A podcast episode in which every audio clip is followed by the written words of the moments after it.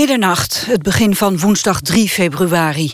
Freddy van Tijn met het NOS-journaal. De nieuwe mediawet is niet door de Eerste Kamer gekomen. Staatssecretaris Dekker heeft vanavond toezeggingen gedaan voor aanpassingen. Hij moet die beloftes nu eerst op papier zetten. Dekker wil, samengevat, meer concurrentie en minder amusement bij de publieke omroep.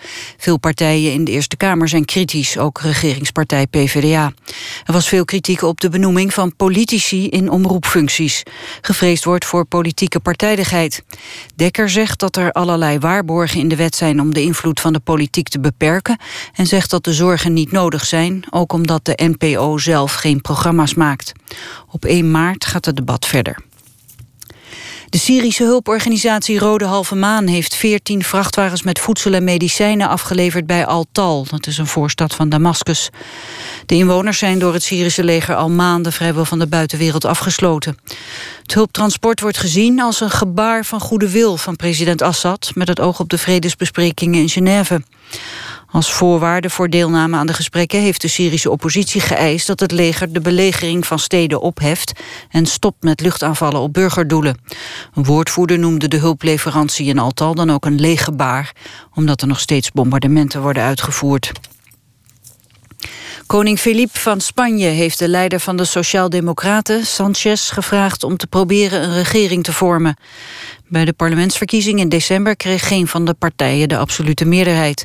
De conservatieve Partido Popular bleef de grootste, maar die is het niet gelukt om een coalitie te smeden. Het is voor het eerst dat in Spanje een coalitie moet worden gevormd. Het weer koelt vannacht af tot een graad of 4, 5. Later in de nacht lokaal een bui. Morgen is het wisselend bewolkt met vooral in het zuiden wat zon. Vanuit het noorden trekken soms felle buien over... met soms onweer en hagel. Het wordt een graad of 6. Dit was het NOS Journaal. NPO Radio 1. VPRO. Nooit meer slapen.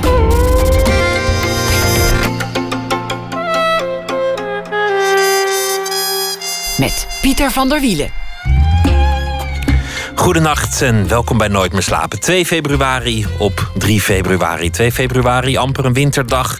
De journaals vertelden dat de Amerikaanse verkiezingsstrijd echt is begonnen. En nu is 3 februari begonnen.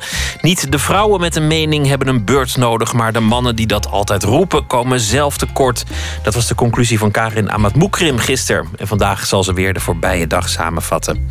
We gaan het hebben over de Belgische film Dardennen, die nu al de aandacht heeft getrokken in Hollywood. En acteur Cas Jansen komt langs om te praten over zijn vertolking van klokkenluider Edward Snowden in het gelijknamige toneelstuk.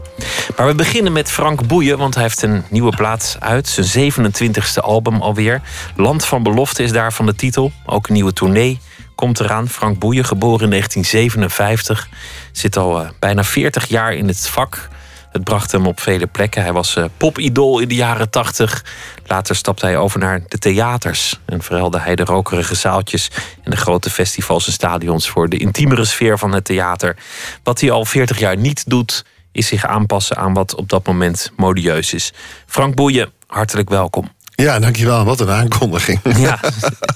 27 uh, albums. Het is niet een rond getal, maar het is wel een flink getal. Ja, ja, ja. ik schrik er zelf ook iedere keer een beetje van. Uh, ja, je, je, hebt het zelf niet zo in de gaten. Hè? Uh, je doet maar wat, uh, zeg, maar, zeg ik met Karel Appel. Die zei het ook een keer. Maar um, iedere keer is het weer nieuw. Het is weer, begin je weer opnieuw. Het is een, een andere periode. Maar bijna elk jaar een album. ja, ik, ik had het ook niet zo, me, niet zo gerealiseerd.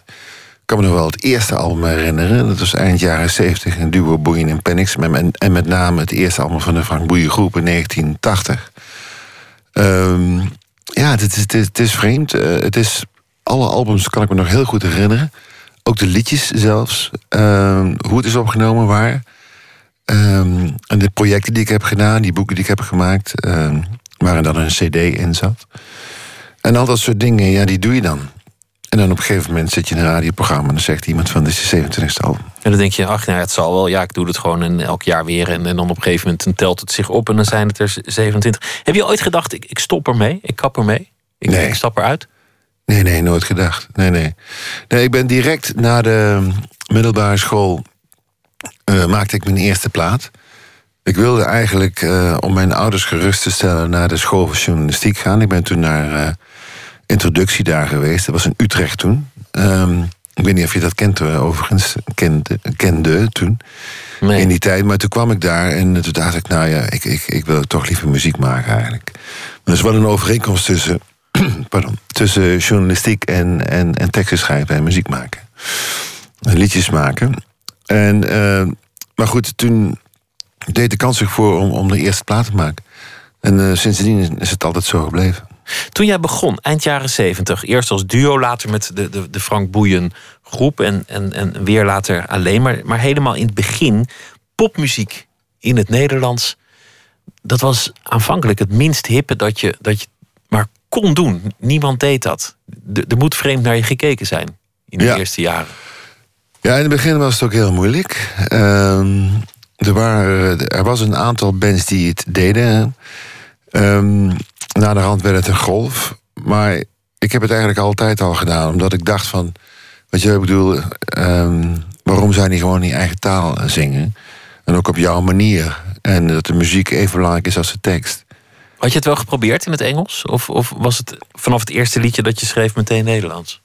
Nou, ik denk de liedjes die ik zelf schreef wel. Maar ja, ik begin natuurlijk gewoon met, met liedjes van Neil Young. En, en om, om liedje, of Bob Dylan of Van Morrison, om liedjes te, te leren spelen. Uh, dan ben je die jongen met die gitaar. Hè. In die tijd waren er een heleboel, op school ook. Um, en na de rand toen ik zelf liedjes ging schrijven, toen, ja, toen dacht ik van... Eh, ik schreef al uh, een soort van gedichten, zeg maar. En die heb ik toen op muziek gezet. En dat werden die liedjes. En mm, na de rand word je ook weer beïnvloed door bijvoorbeeld... wat me heel erg beïnvloedde in die tijd, in begin jaren 70... was de, wat zeg ik, begin jaren 80 was de New Wave. Iemand als Elvis Costello en Joe Jackson. Ik zag daar een soort van neorealisme in. Hè? Dus Is You Really Going Out With Him? Um, en uh, Oliver's Army van Elvis Costello. Uh, dat waren van die teksten die eigenlijk heel puntig waren. En ook een beetje wat zal ik zeggen, uh, terugkijkend naar je middelbare schooltijd, dan al, terwijl je nog heel jong bent. En dat, waren eigenlijk zo, dat begon een beetje met verjaardagsfeesten en zo, dat soort teksten. Dat vond ik heel erg leuk om, om te doen toen. En na de rand uh, is het toch wat poëtischer geworden, denk ik allemaal. In de jaren tachtig al. Abstracter ook? Ja, abstracter, ja. En met name in de jaren negentig ook. En, en na de rand heb ik allerlei andere projecten gedaan. Wat wonderlijk is, is dat, dat je aanvankelijk, nou ja, toch als een soort alien, als een soort marsmannetje op aarde landde om, om in het Nederlands popmuziek te gaan zingen. De, de, de troubadour uit Nijmegen. Ineens kwam die, die, die golf van Nederlandse popmuziek in de jaren tachtig. Mhm. Doe maar, Het Goede Doel, Frank Boeien.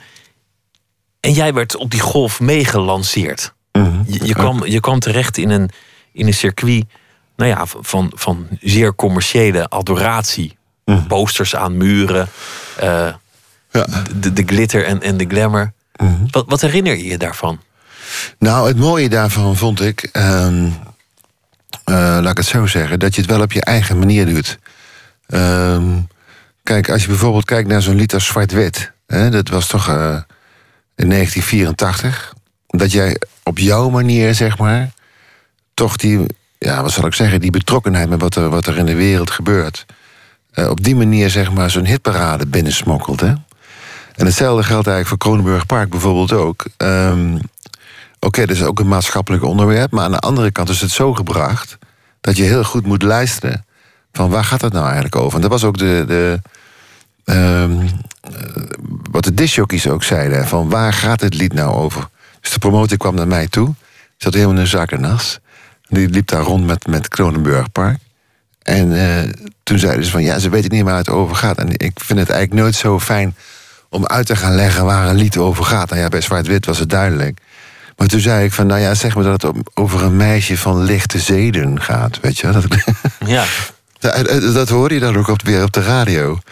En, uh, maar goed, dat, dat, dat, dat vond ik wel mooi, dat je dit op jouw manier doet, weet je. Of welke minuut op ja, hier komt de storm. Maar het heeft, het heeft ook iets bijna, bijna geestig dat, dat je toch een soort verdwaalde dichter bent in een, in een wereld van tiener popcultuur op, op dat moment. Nou ja, ik, ik, ik voel me geen dichter, weet je wel. Uh, Stef Bos die, zei, die, die, die zingt ook volgens mij... was ik maar een dichter, dan was ik dichter bij jou. Dat vond ik wel leuk.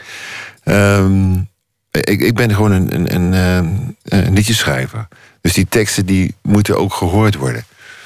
En uh, dat, is, dat is een andere discipline dan, ja, dan woorden, stille papier. Wat wel prachtig is natuurlijk. Um, bovendien vind ik dat ook uh, in mijn geval te, te pretentieus. Vond je het leuk? De, de, de, de roem, de, de tieneradoratie, de, de, de enorme populariteit? Ja, we waren toen zelf nog heel erg jong. Uh, maar ja, wat zal ik ervan zeggen? Het is iets wat je overkomt. En uh, natuurlijk, het is hartstikke mooi om erkenning te krijgen. Um, maar de agenda die slipt natuurlijk wel vol als ik daar nog aan denk in die tijd. Maar aan de andere kant uh, hebben we er ook wel van genoten natuurlijk. Ja, zeker. Toch wel, want het, het, lijkt me ook heel veel gedoe. Ik had hier laatst Ernst Jans te, te gast. Ja. Die vertelde over, over wat hij meemaakte met Doe maar. En, en dat hij het op den duur eigenlijk iets vond dat niet meer over hem ging en dat hem ook niks bracht. Mm -hmm. Al die roem en al die onrust. Ja. Nou, wat, wat, ik, wat ik eigenlijk vind is van, weet je wel, erkenning is prachtig. Herkenning, daar moet je mee leren omgaan. Dus als iemand zegt, hé, hey, daar heb je Frank Boeien, dat is alleen maar lastig. Maar als iemand ja. zegt, ik luister naar je muziek en het betekent iets voor me, -hmm. dat, dat is, is prachtig. Ja, ja, precies. Ja. Maar ik wil niet klagen, snap je? Het, het, het is, uh, het is niet aan, aan mij om te gaan klagen daarover, omdat het gewoon toch, dan had ik iets anders moeten gaan doen. Maar het is inderdaad wel iets waar, waar, je, waar je mee moet leren omgaan. Maar het is niet iets, en, en dat, dat fascineert mij, wat je actief volgens mij hebt opgezocht. Het is niet, nee. niet dat jij in een soort circus stapte met een, met een producer en dacht van nu gaan wij een hit scoren. Je hebt misschien nee. een keer geposeerd voor een fotograaf of een clip gemaakt, mm. maar meer ook niet. Ja, en die clips maakten we overigens ook zelf. Hè. Ja. Die betaalden we ook zelf. Um, dus het is, het is in die zin ook een beetje overkomen. Ja, ja. Ja, nou ja, wat dat betreft ben ik wel een existentialist, weet je wel. Ik, ik denk toch wel dat je dat eigenlijk toch op een of andere manier zelf bepaalt. Uh, aan de andere kant uh, kun je ook zeggen dat het is, is je overkomen. Maar het is nou eenmaal zo. Het hoort er gewoon op een of andere manier bij. Dus, dus klagen heeft geen zin? Uh, nee, en het is ook eigenlijk, uh, wat zal ik zeggen, ook niet zo aardig ten aanzien van de mensen. En uh, ten aanzien van je publiek ook. Um, maar het is natuurlijk uh, je anonimiteit, hè, die, die, die verdwijnt voor een deel. De laatste jaren valt natuurlijk reuze mee. Vergeleken met toen is een heel ander verhaal. We gaan luisteren naar uh, de reden waarom je hier bent, namelijk dat nieuwe album, Land van Belofte. En we gaan uh, luisteren naar het openingsnummer.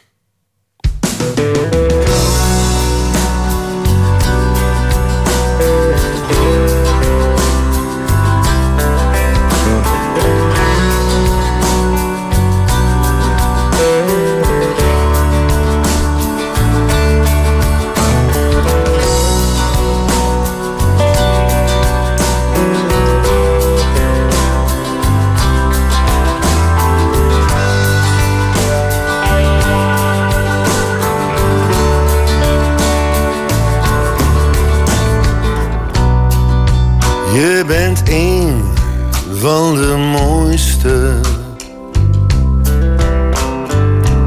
slachtoffers die ik ooit heb gezien.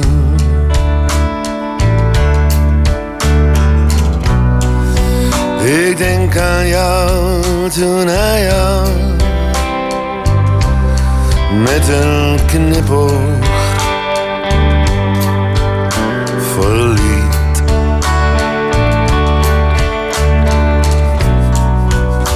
Niet zeker van de zaak, vertrouwde hij jou aan ons toe, aan ons. Aan ons, wij overlevenden, de dag is niet lang dag is zo voorbij. Wees niet bang, je hebt je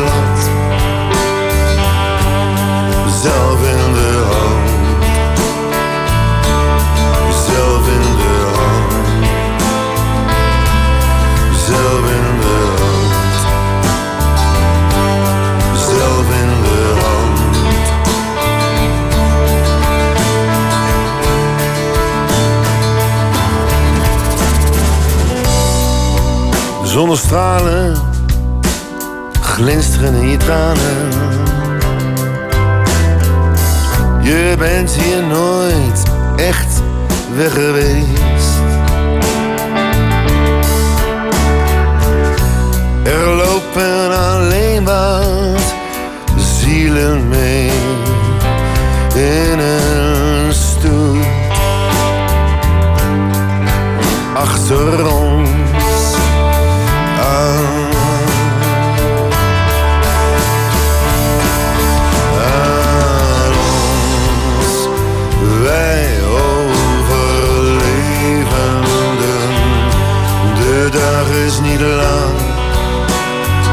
de dag is zo voorbij. Wees niet bang, je hebt je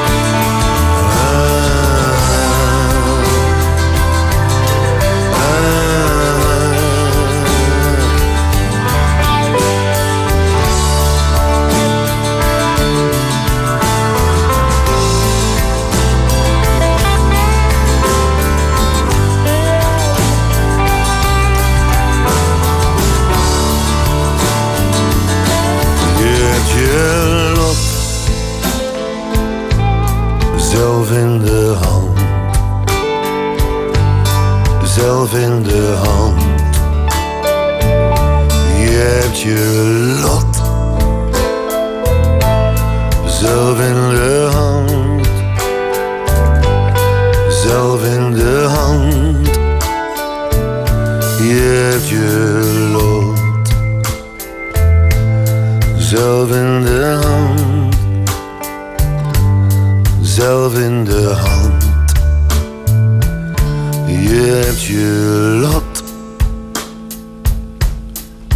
zelf in de hand, zelf in de hand. Van het nieuwe album Land van Belofte, Frank Boeien, Ocolino.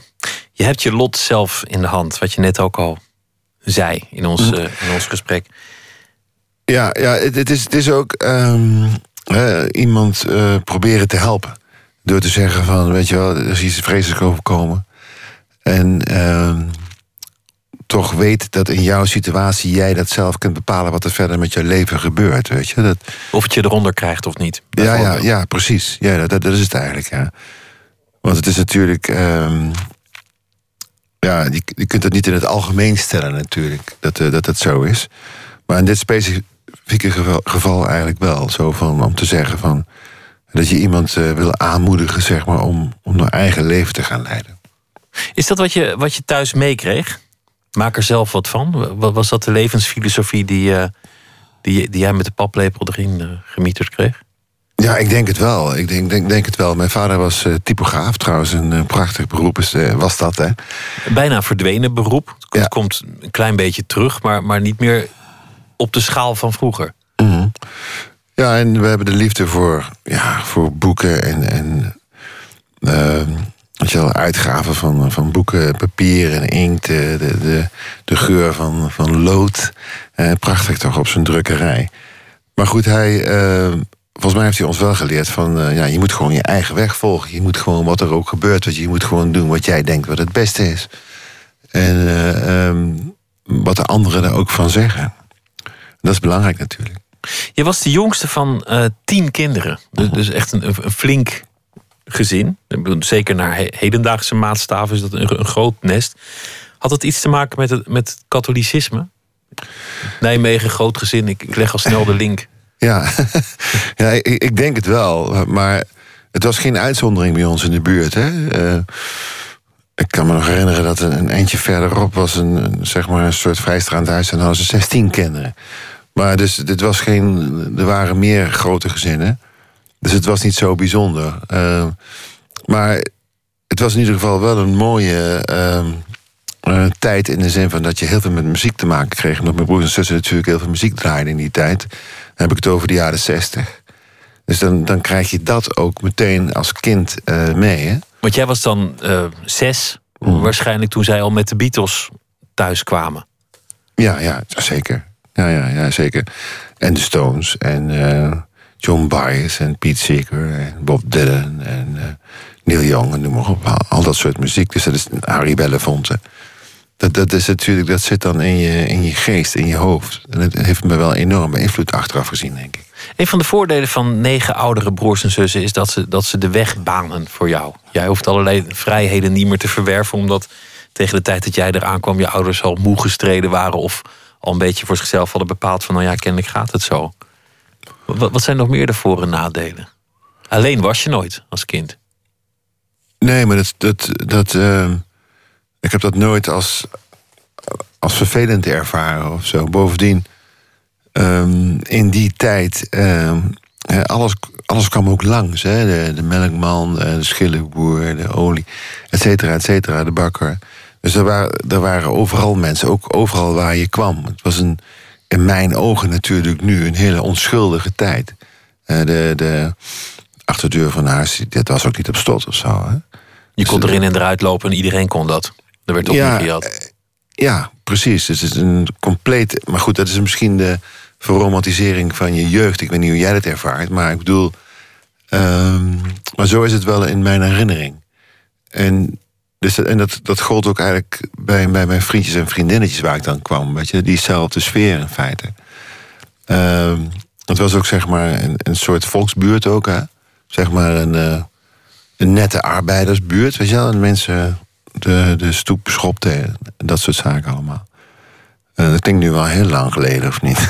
Nou ja, het is ook het is wel heel lang geleden. Het is, ja. uh, we, we, hebben het over, over de, de, de vroege jaren zestig. In, in, in veel van je liedjes gaat het over over eenzaamheid. Hm. En, en, dat vind ik opvallend als je, als je uit zo'n heel groot gezin komt. Hm.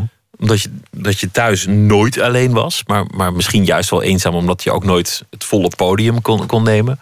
Maar dat later wel een thema is dat je op de een of andere manier gefascineerd heeft. Ja, dat hangt er vanaf wat je precies met eenzaamheid bedoelt. Hè. Um, kun je, dat, kun je dat, daar wat duidelijker in zijn? Van, van, uh, wat bedoel je precies met en veel van de liedjes gaat over eenzaamheid. Nou, vaak, ja. vaak gaat het over een, over een uh, buitenstaander, -huh. bijvoorbeeld, die, die kijkt. -huh. je, je, had ook niet op dit album, maar op een van de eerdere albums het, het nummer Zondagskind. -huh. Dat, dat eigenlijk ook daarover gaat. Van je, van je, je, je hebt altijd die warmte om je heen gehad. Je hebt altijd die geborgenheid gehad. En daarna moet je de wereld in. Althans, het is abstracter. Ik doe, ik doe je liedje misschien te kort als ik het zo kort door de bocht interpreteer. Maar dat haal ik eruit. En in heel veel andere nummers kan ik ook voorbeelden noemen van toch dat het thema van een man alleen daarin een rol speelt. Ja, dat is misschien ook wel de, de, de, de blik van de liedjeschrijver. En dat, dat op een of andere manier um, beschrijf je gewoon wat je ziet en wat je voelt. En, en daardoor sta je er min of meer buiten. Jij bent de enige die dat kan omschrijven omdat het in jezelf plaatsvindt. Uh, ja, precies. Maar kijk, nou ja, ook van je bent eigenlijk een, een, een observator. Je, je, neemt geen deel op het moment dat je het gaat beschrijven. En dat, dat betekent dus um, ja, dat je het, de, de, de, de bin, je binnenwereld zeg maar, uh, probeert duidelijk te maken. En je terugblikken of, of wat dan ook. Maar ik zou dat niet direct eenzaam noemen, weet je. Het is meer de, vanuit mij gezien, zeg maar. Ik wil niet zeggen dat ik eenzaam ben. Het katholicisme, want wat ik heb begrepen was je al heel jong eruit dat God niet bestaat. Onge ongeveer gelijktijdig met Sinterklaas werd, werd God er in jouw hoofd uitgedonderd. Van als Sinterklaas niet bestaat, nou ja, dan zal God ook wel niet bestaan. Dat is althans de anekdote die gaat over hoe jij van het geloof viel. Ja, nou ja, kijk, wat ik nu denk is, is van het, het is natuurlijk een, uh, een metafoor voor, voor van alles en nog wat. Snap je? Ik bedoel, en ik vind de, de rituelen van godsdiensten wel eh, interessant. Ehm, maar, ehm, zeg maar, weet je wel, zo als een persoon, daar, daar, ja, dat, dat, dat vond ik moeilijk te, te, te gaan geloven. Een opperwezen. Ja, ja, maar ik denk toch wel dat er gewoon. De, het is een manier, zeg maar. Het is, het is een, een, ja, een poging, zeg maar, om de dingen te begrijpen van hoe het in elkaar zit. En ehm, welke religie dan ook. Ja, het is eigenlijk een verlangen tot begrip.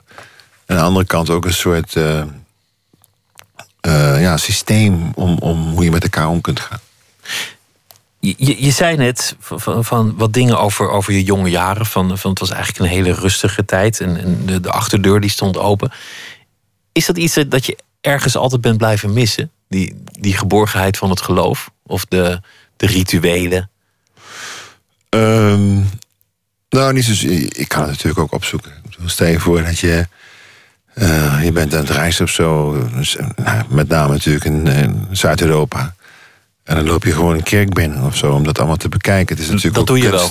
Ja, ik denk ook dat uh, ja, alle kunst tot uh, nog niet zo heel erg lang geleden meestal religieus was. Dus het is ook een, een, een inspiratie geweest voor heel veel mensen. Uh, om dat in die vorm te gieten, zeg maar. En dus dat is heel erg interessant, vind ik.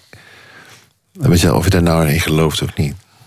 Zit dat ook in, in jouw werk? Is, is dat katholieke toch ergens in jouzelf terechtgekomen en, en daarmee ook in jouw muziek en in jouw, jouw teksten?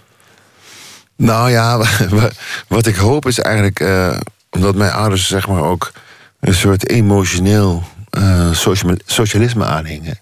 En eigenlijk ook zeiden van, uh, ja, je moet het geloof zo zien dat van dat iedereen gelijk is. En dat, dat je niet zo snel moet oordelen. Dat je moet proberen te verplaatsen in een ander. En dat zit denk ik wel, hoop ik, in, in mijn teksten.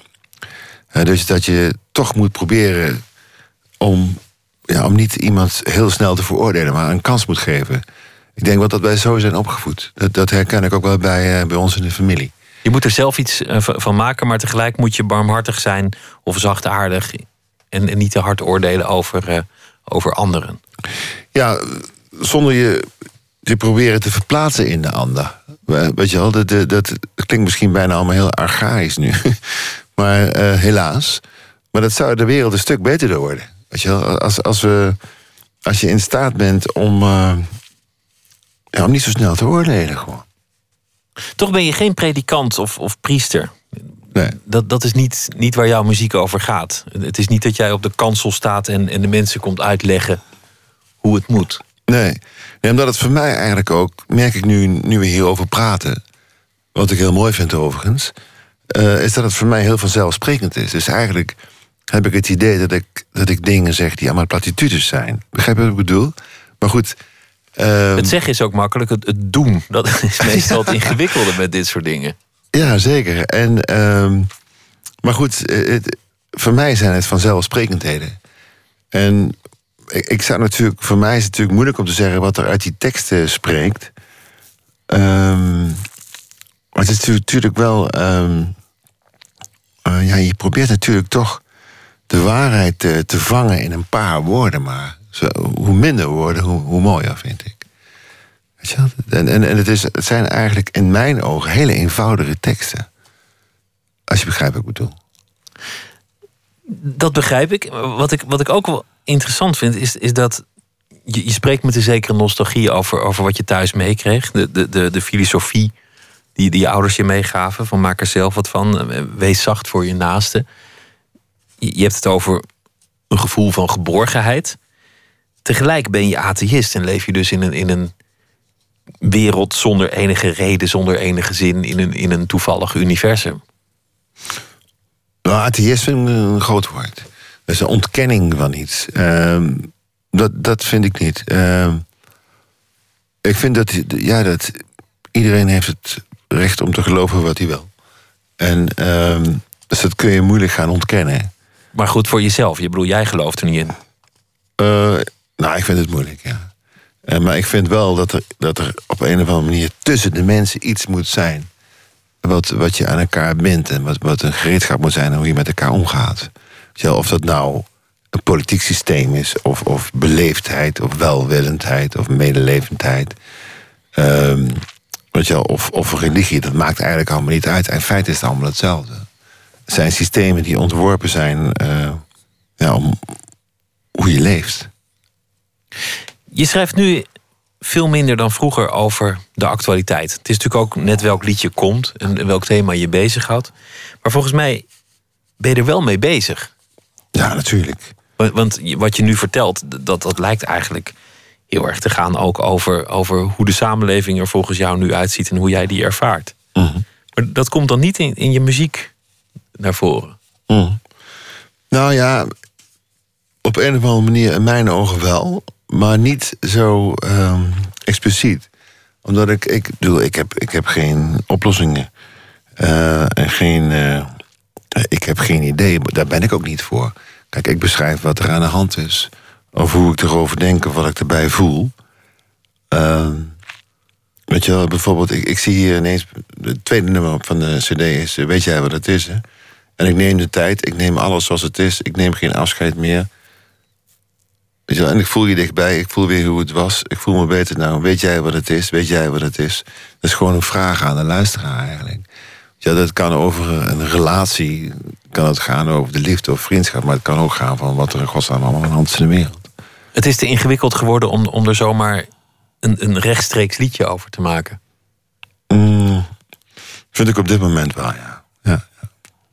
Jij schreef in der tijd, het is ontzettend lang geleden, het, nummer Zwart-Wit. Mm. daar, daar had je het net zelf over, 1984. Dat ging over een steekpartij, dat was toen groot nieuws. Mm. Het, het, werd toen geïnterpreteerd als een racistische moord. Mm. Later zijn er meerdere verhalen gaan, gaan circuleren. Je zou het zinloos geweld kunnen noemen. Of, of iemand met, met ernstige psychische problemen. Maakt allemaal eigenlijk niet zoveel uit. Jij las het bericht en meteen kwam dat liedje eruit. Mhm. Zoals Bob Dylan dat ook wel heeft gehad in, in, in, zijn tijd. Dat iets in, in de krant stond en het werd Mhm. meteen een, een liedje. Ja, ja nou, ik, ik heb daar wel heel lang over gedaan om de juiste vorm ervan te, te vinden. En ik, wilde, ik zocht ook eigenlijk naar een soort uh, hele eenvoudige, bijna eenlettergrepige taal. Uh, en ik heb zelfs uh, ja, een soort telegramstijl, weet je wel. Uh, om, het, om het verhaal heel duidelijk te, te vertellen. En ja, het, het, was heel erg schokkend toen dat. En je voelde ook best wel een, een instemming in de zaal als je het zong. En dat bedoel... De verontwaardiging werd, werd gedeeld en, en ja. dit liedje verwoordde wat heel veel mensen daar toen over dachten. Ja, en het was ook verpakt in een hele toegankelijke popsong eigenlijk. Hè? Een grote hit ook. Ja, ja. Toch, toch bracht dat, dat liedje jou ineens in, in allemaal situaties en, en hoeken waar je normaal als muzikant nooit komt. Je kwam namelijk in een, bijna, ik zou zeggen, een frontlinie te, te liggen. Van mensen die voor iets waren, tegen iets waren. En allerlei politieke sentimenten werden op je afgevuurd. Tot, Mm. tot, aan, tot aan dreigementen en, en haatmails. Ja, daar heb ik toen, toen Mails bestonden toen nog niet. Dat, dat waren toen nog ouderwetse brieven. Ja. Moet je je voorstellen. Maar dat was toen een hele kleine groep. Hè? Dat, dat waren. Ja, jeetje, uit. Uh, uit de, de, ja, dat, was, dat was een hele klein, heel klein percentage toen, wat er toen zo over dacht. Het waren ook mensen die sympathiseerden met, uh, met de nazi's en zo. Weet je wel, ja, dat soort dingen. Maar die moesten jou ineens hebben, want, want, want jij had hun aangevallen, of, of hoe ze het ook uh, ja. zagen. Nou ja, kijk, uh, wat zal ik zeggen? mijn gevoel erover van, van toen is toch dat echt de overgrote meerderheid van de mensen die was het daarmee eens. Of tenminste, die voelden daar iets bij. En die was er niet op tegen of zo.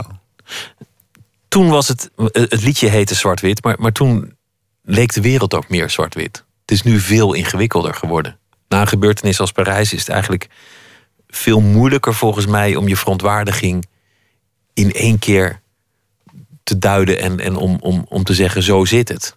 Ja. Althans, wat ik merk. Ik bedoel, de verontwaardiging is bij iedereen hetzelfde. Namelijk, je hoort niet zomaar een popzaal in te lopen en mensen af te knallen. Daar is iedereen het zo'n beetje wel over eens. Ja, maar, toch, maar toch is er veel meer discussie en is, is het veel ingewikkelder en leidt het tot veel meer ruzie. Als mensen zich daaraan wagen. Ja. ja, het is heel complex. Voor jou ook? Ja, natuurlijk. Voor iedereen, denk ik. Ik bedoel, het is uh, in feite wat je kan zeggen. Het is allemaal heel triest. En dan, dan ben je er wel. Ja, kijk, ik, ik, je, je zou het kunnen beschrijven wat er gebeurt. Maar uh, daar vind ik het nog te, te, te jong voor. En, en uh, dat, dat, uh, dat vind ik een lastige, zeg maar. Dat zou je liever laten rusten? Of, of, of in mhm. ieder geval, het is niet zo gebeurd dat, dat daar een liedje in je opkwam. Dat je erop kunt terugkijken, ja. ja. ja. Achteraf gezien zou je kunnen zeggen dat, dat in de jaren tachtig zo'n lied makkelijk kwam. Terwijl toen eigenlijk iedereen het wel eens was en er toen niet zo gek veel aan de hand was. Dat het achteraf gezien een rustiger tijd was dan nu. Ja, bovendien was ik toen ook veel jonger. En, en dan. Ik heb nog wel heel lang over dat lied gedaan hoor. Dat kwam ook later pas uit. Um, ja, uh, wat zal ik zeggen? Het was een volledig, eh, compleet andere tijd. De hele sfeer was anders. Um, er is inmiddels, de wereld is inmiddels zo enorm veranderd. De, de, de, de Koude Oorlog is voorbij. De, de, Oost- en West, de machtsblokken zijn veranderd. Of dat is niet meer, of anders. Uh, het, is, weet je wel, het, is een hele complexe aangelegenheid geworden. De nieuwsvoorziening is natuurlijk uh, veranderd. Uh, je kunt je afvragen of dat wel erg zorgvuldig gaat allemaal. Dat is ook zoiets. Maar misschien is het altijd wel zo geweest. Um, en zo gaat het maar door, weet je. Dus als, als liedjeschrijver is dat een, uh, een hele klus om daar een soort van commentaar op te gaan geven of zo. En zeker nu. Uh, net zoals toen die aanslagen in New York uh, werden gepleegd. Van, ja, daar zou je wel een lied over kunnen schrijven. Maar ja, snap je, het, het ligt ook zo voor de hand, vind ik. Laten we het hebben over waar, waar de liedjes wel over gaan. Want, want voor mij zit iemand die nou ja, toch geleidelijk richting de 60 dendert. En, en daarmee komen nieuwe interessante thema's in, in jouw liedjes naar voren. Ik, ik noem de eenzaamheid, maar um, de sterfelijkheid ja. komt komt ook steeds vaker, ook op de vorige albums, in, in, in je liedjes naar voren. De dood. Ja, de vergankelijkheid. De vergankelijkheid. Ja, dat heeft er altijd al een beetje in gezeten. Hè? Want zeg maar dat niets wist, dat was van uh, eind jaren tachtig. Ja. Um, ja, omdat je daarmee te maken krijgt in je leven natuurlijk, in je omgeving. Uh, je ouders die vertrekken op een gegeven moment. Uh, je, beide, je beide ouders zijn inmiddels overleden. Uh -huh, ja. En, en van, van de, je broers en, en zussen, zijn die er allemaal nog? Nee, godzijdank leeft hij nog allemaal. Ja. ja. Maar um, eens even kijken. Ja, kijk de, de, de vergankelijkheid, uh, daar word je mee geconfronteerd naarmate de jaren verstrijken. En uh, ik vind het wel interessant om daar wel over te schrijven, maar dan op een manier. Ja, dat het, dat het geen persoonlijke dagboekaantekening wordt, maar dat het wel.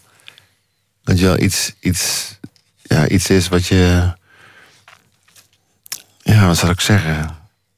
Het klinkt een beetje vreemd om te zeggen van dat de, waar de mensen iets aan hebben of zo beetje aanmatigend. Maar je bijvoorbeeld het lied De Dans Ontsprongen, het laatste lied van de plaat. is dan eigenlijk een positief iets dat iemand letterlijk of figuurlijk zeg maar de dans uh, ontspringt. Um, dat vind ik wel een mooi gegeven om, om daarover te zingen, als je begrijpt wat ik bedoel. Dat, dat iemand um, iets overleeft, een, een mhm. ziekte bijvoorbeeld. Mhm. Of uh, het kan op heel veel manieren eigenlijk. Uh, vandaag nog de, de, dat je de Rozengracht oversteekt en dat er ineens een taxi keihard langs raast die je niet zag aankomen. Dat je denkt 10 centimeter en, en dat was het dan. Uh Gebeurt me dagelijks eigenlijk. Ben je, zelf anders gaan denken over sterfelijkheid? Nu, nu, nu mensen in je omgeving zijn gegaan, nu je ouders er niet meer zijn, nu naaste vrienden zijn overleden? Omdat dat het thema er altijd al was, maar, maar we zijn nu jaren verder en het is nu statistisch gezien meer in je bestaan dan voorheen. Ja, het, het hoort bij het leven. Uh, dat is één ding wat zeker is. En uh, ja, het doet je beseffen dat, uh, dat, je alles, dat je alles moet uithalen wat erin zit. En dat je ehm, ja, toch moet proberen om, om, Ja, ik vind eigenlijk mijn opdracht om mooie dingen te maken. Dat is waar jouw bestaan over gaat. Mooie dingen maken. Ik hoop het wel, ja. ja, ja. Om, om, om geld heb je nooit heel erg gegeven welvaart niet, grote huizen niet, een, een, een, dikke auto hoeft volgens mij voor jou niet, niet enorm. Wat is voor jou van waarde?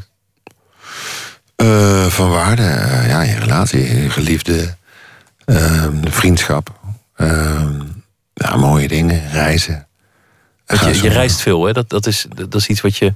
Als het kan wel, ja, als, als het even kan wel, ja, heel graag. Ik denk dat het belangrijk is voor, eh, voor me om... Ja, ik vind Nederland een heel leuk hand, land. Ik hou van, van, eh, van Nederland.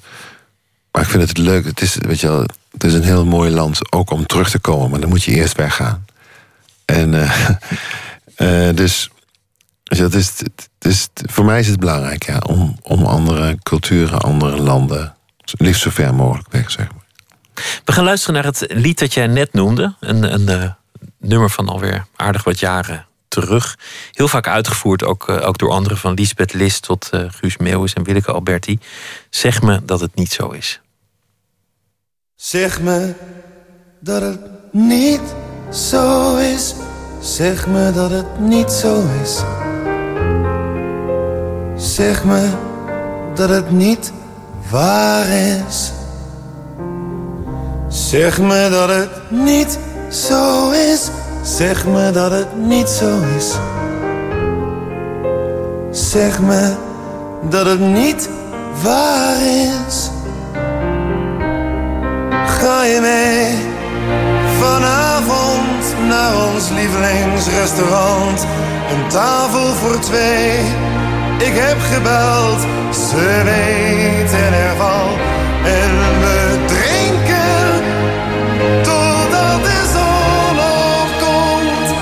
En we vergeten de oneerlijkheid van het lot.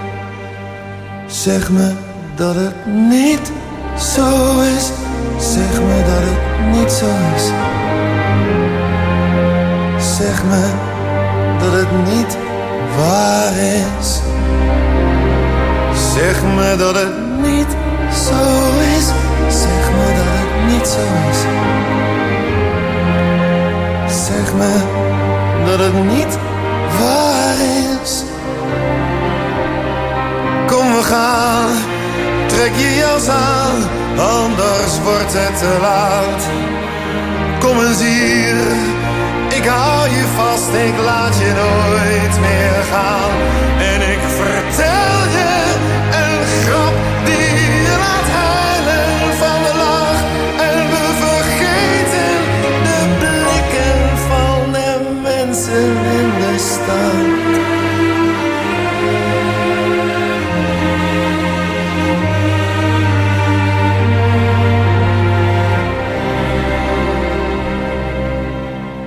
We doen net alsof het niet zo is. Alsof het niet zo is.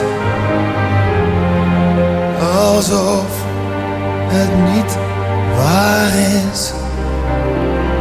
We doen net alsof ze gewoon verder leeft. Alsof ze gewoon verder leeft. Zelfs als het niet zo is.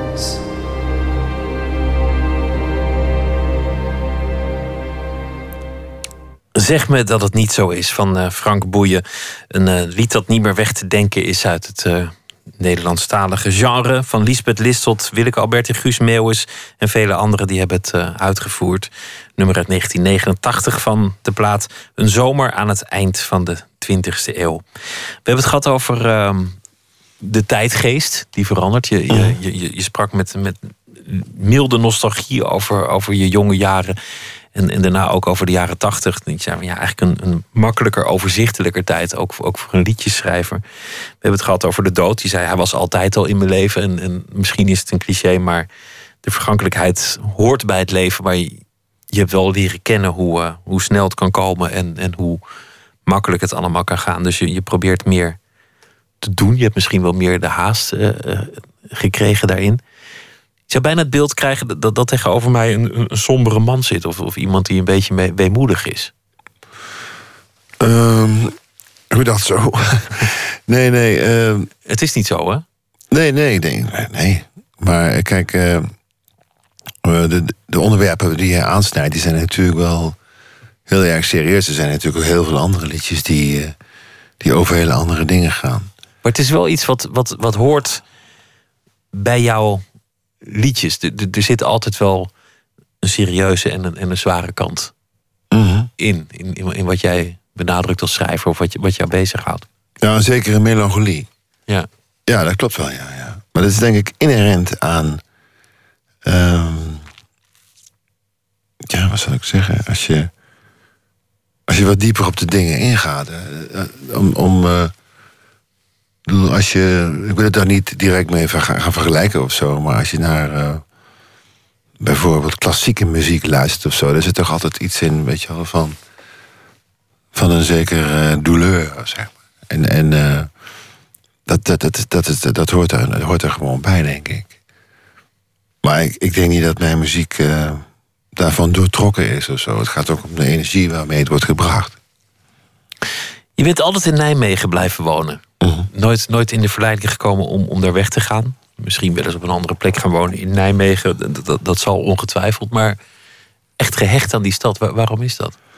Nou, met name aan de omgeving. Eh, ik, heb, ik heb ook heel lang eh, woonruimte gehad in België en in Frankrijk.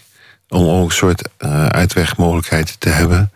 En natuurlijk, ehm, ja, toen ik, nou zeggen, mm, tiener was of zo, of twintiger, dacht ik altijd na de hand, later ga ik in Amsterdam wonen. Maar aan de andere kant vind ik Nederland ook weer zo klein. Je bent overal zo. Dus waar hebben we het eigenlijk over? Want je zit toch binnen anderhalf uur. eh, Ja, precies. Overal. En, en eh, iets anders is. eh, ik vind het ook wel fijn om in een rustige omgeving te wonen. De omgeving van Nijmegen is gewoon schitterend. Er zijn heel veel mensen uit de Randstad die komen daar wandelen. Maar, maar je hebt dan wel de, de, de, de bakker zien stoppen. En, en, en de zoon van de bakker de tent zien overnemen. En, en je komt oude klasgenoten tegen. En denk je, god, die is oud geworden. Mhm. Je ziet op een gegeven moment wel, wel, wel die stad vergroeien en verouderen met, met jezelf. Ja, maar het grappige is natuurlijk omdat ik al zo lang overal in Nederland kom, dat ik het ook weer bij het publiek zie. Dat je dus, eh, waar ik ook kom, dat, dat ja, iedereen ook een dagje ouder wordt natuurlijk. Dat is logisch. Dus het, dat geldt eigenlijk overal waar je bent. En, eh, maar het is met name denk ik gewoon de, ja, de rust die je daar hebt. Wat, wat, ik, wat ik vreselijk vind is als een, als een, een, een- een popartiest op leeftijd een album maakt en, en er is een producer overheen gegaan die, die zegt: je moet nu aansluiting zoeken met de volgende generatie. Er moet, er moet een rapper bij, er moet een beat onder, er moet, eh, er moet van alles gebeuren. Is dat bij jou ooit geprobeerd? Heeft iemand ooit op enige wijze grip op jou gekregen vanuit de, de industrie?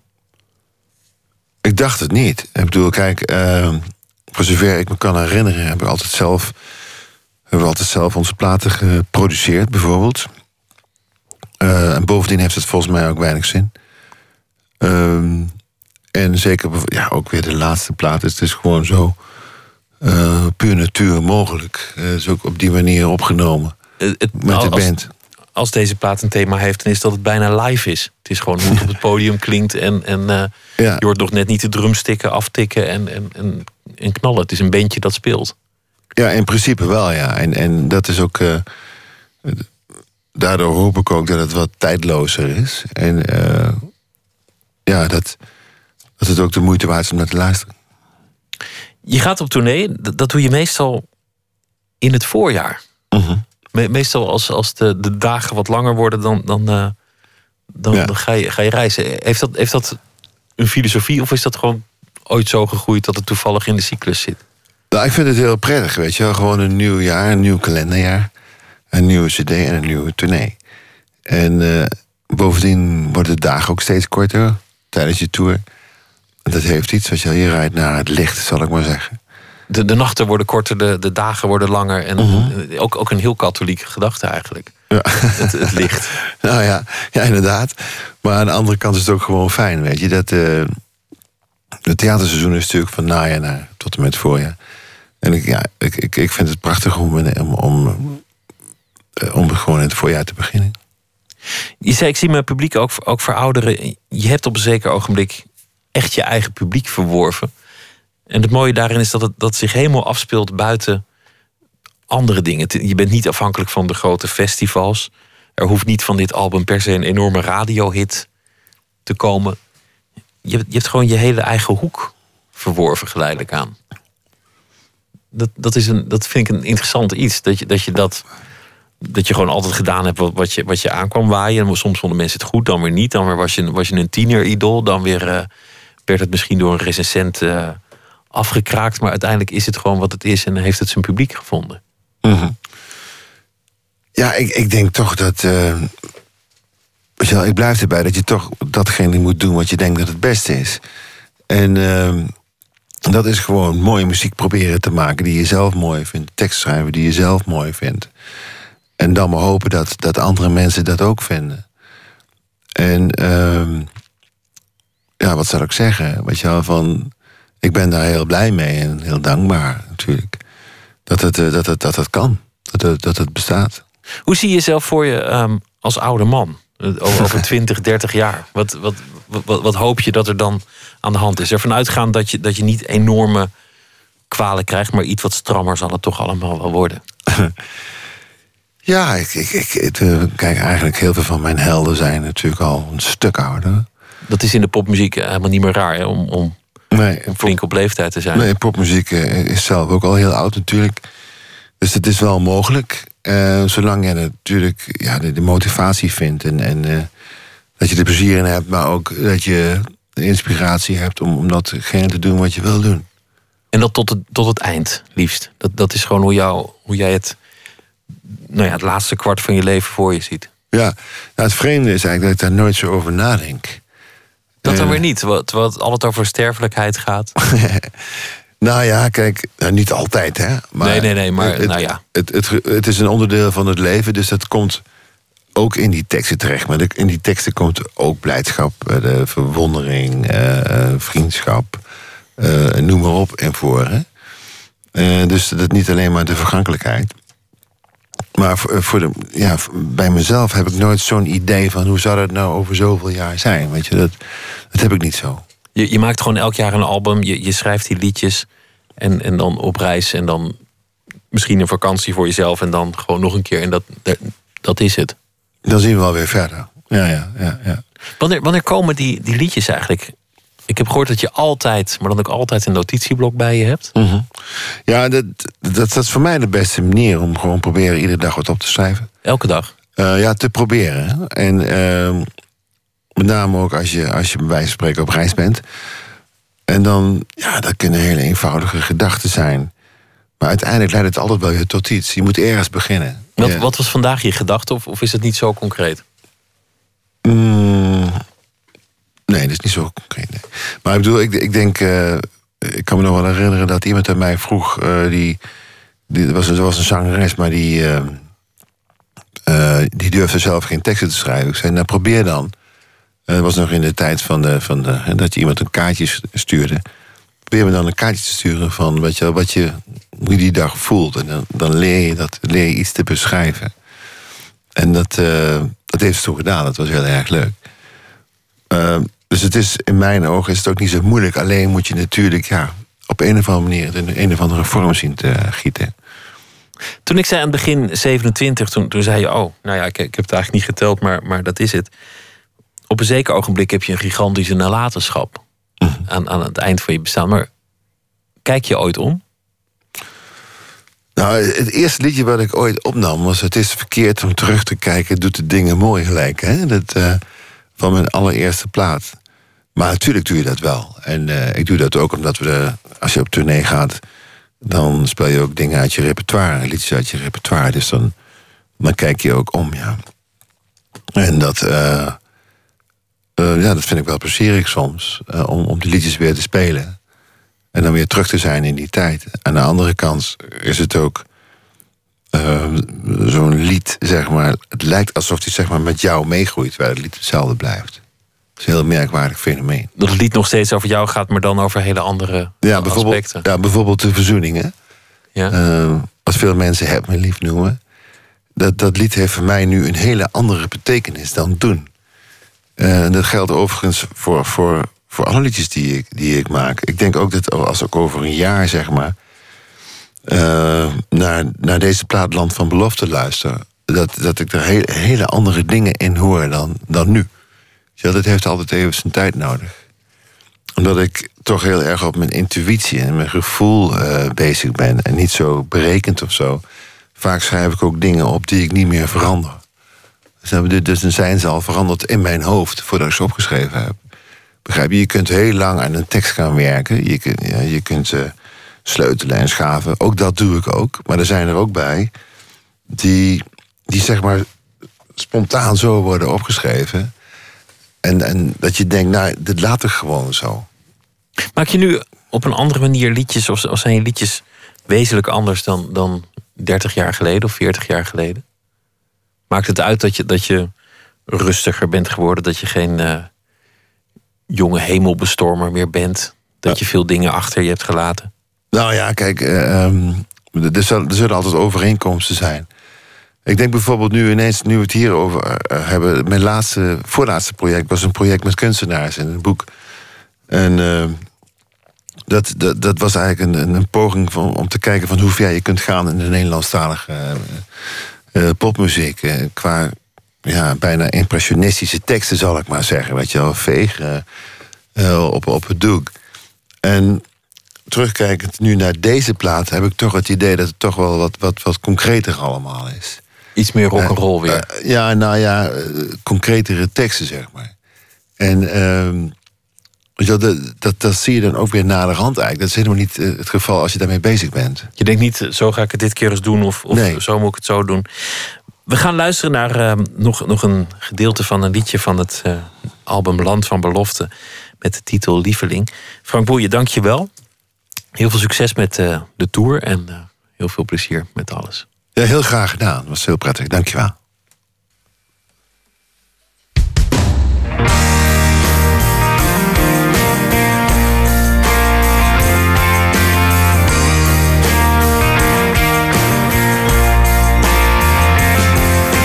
Oh, nu schijnt de zon weer door de ramen. Oh, dit huis is van ons, van ons samen. Jij en ik, we gaan ergens heen. En iedereen mag het weten. Oh, waar gaan we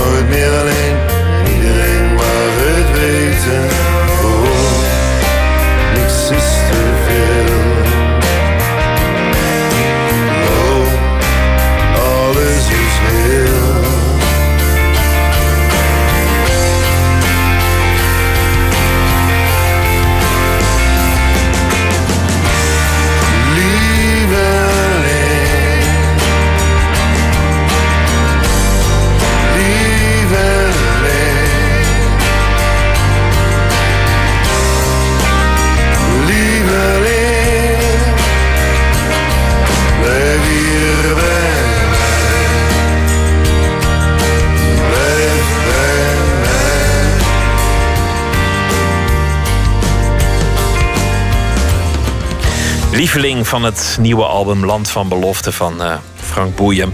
Zometeen uh, gaan we verder. We gaan het hebben over de Vlaamse film Dardennen. Karin Amatmoukrim die schrijft een verhaal over de voorbije dag. En Cas Jansen komt langs naar aanleiding van zijn uh, toneelstuk over Edward Snowden, de klokkenluider. Dat allemaal straks in Nooit meer slapen.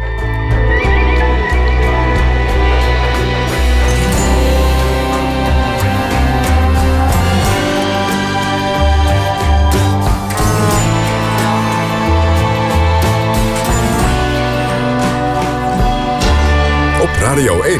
Het nieuws van alle kanten.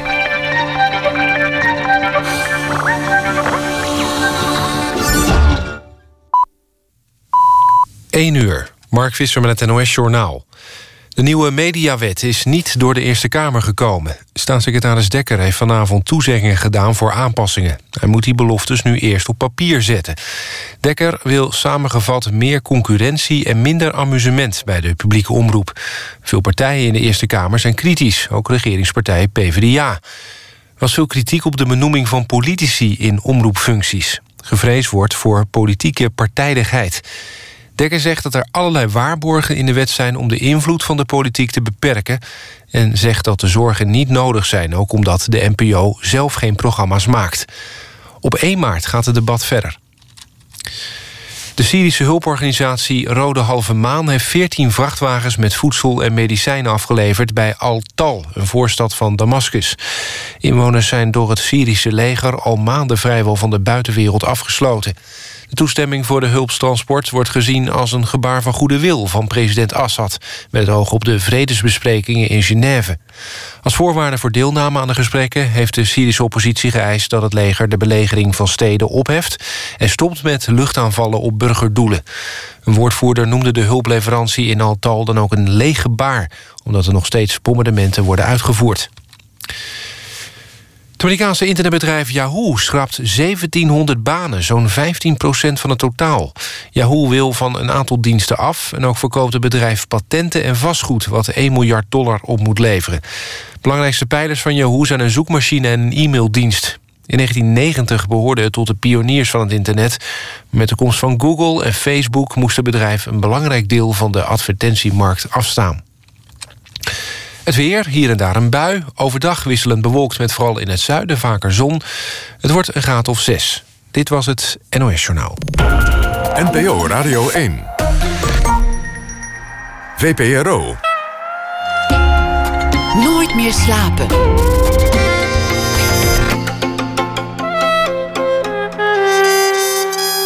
Met Pieter van der Wielen. Karin Amatmoukrim is schrijver, publiceerde al vijf romans... waaronder Het Knipperleven, Het Gim en meest recent De Man van Veel. Deze week zal zij elke nacht een verhaal voordragen over de voorbije dag. Karin, goeienacht. Goeienacht, Pieter. Gisteren hadden we het uh, over uh, je thuis voelen. Dat was een van de thema's, naar aanleiding van een ingezonden brief. En over de mannen die altijd wanneer een vrouw in het publieke het woord neemt... meteen zeggen, die heeft een beurt nodig als de boodschap ze niet zint. Daar had je een mooi weerwoord op. Die mannen hebben waarschijnlijk zelf uh, te lijden aan uh, onbevredigde behoeftes. Ik ben benieuwd wat je vandaag hebt uh, gevonden. Nou, het is weer een beetje een eclectisch gebeuren geworden, ben ik bang.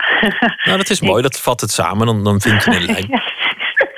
ja. um, ik las in The Guardian vandaag over Ai Weiwei, die Chinese kunstenaar. Die is al een paar weken um, op Lesbos um, als vrijwilliger vluchtelingen aan het opvangen... die daar met de bootjes aankomen. En um, als reactie op de beslissing van de Deense overheid... om uh, um, bezittingen van uh, vluchtelingen in Denemarken um, ja, in te nemen als tegemoetkoming in de kosten van de opvang daar. Heeft hij besloten om een expositie van zijn werk in Kopenhagen te sluiten. En toen um, moest ik uh, denken aan wat een paar dagen geleden, vrijdag, eigenlijk voor het weekend, uh, um, uh, was ik ook al erg aan het nadenken over de relatie tussen kunst en, en lijden, zeg maar, het, het fysieke, het, het menselijke lijden. Kunst en daar, afzien. Wat zeg je? Kunst en afzien, het lijden. Het, uh... ja, ja, ook omdat we daar natuurlijk als schrijvers ook wel veel mee, mee geschermd wordt eigenlijk. Hè. Uh, ja, lijden voor je kunst. Schrijven is lijden.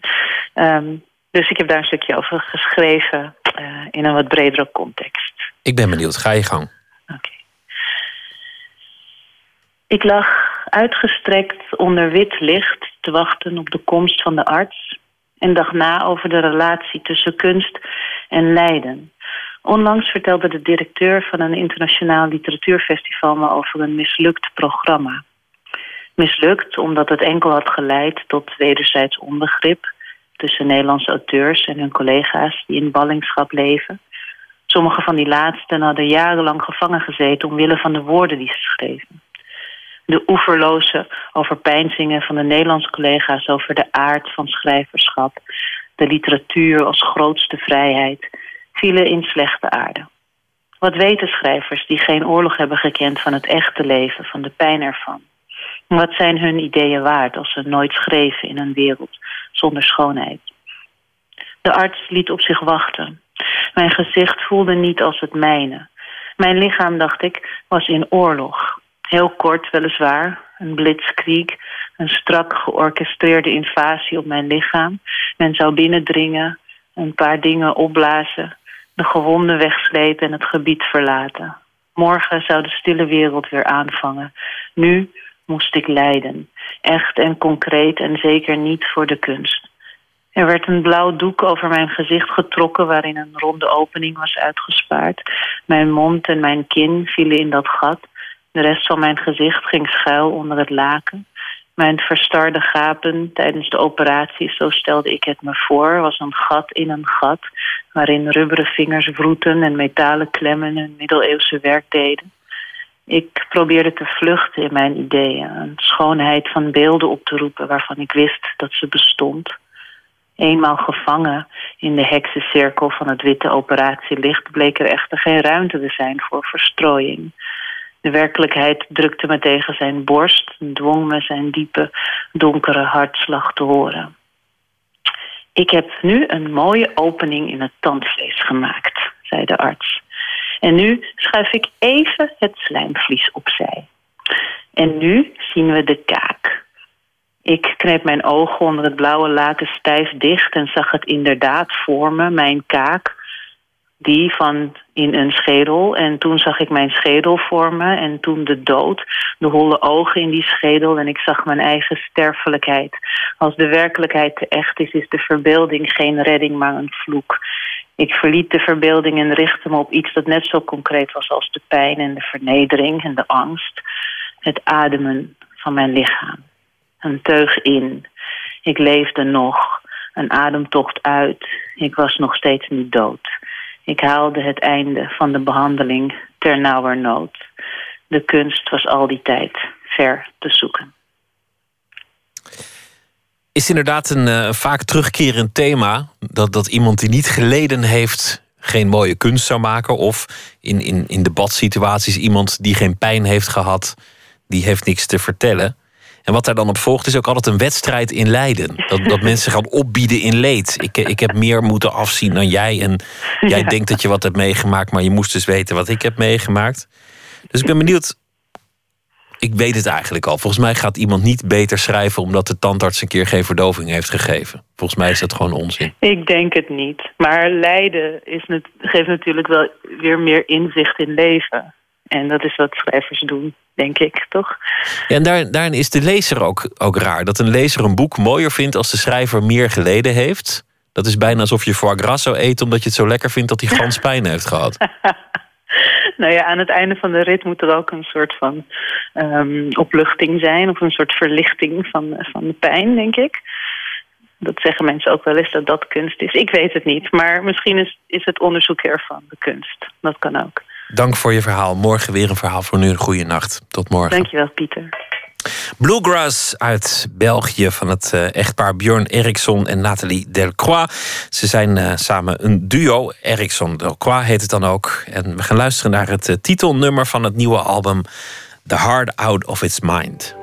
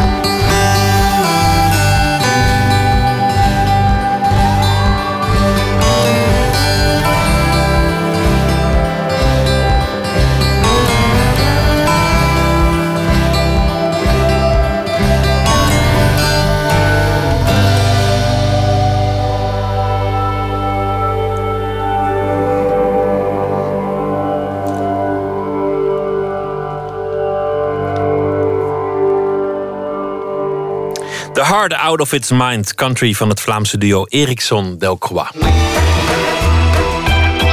Nooit meer slapen.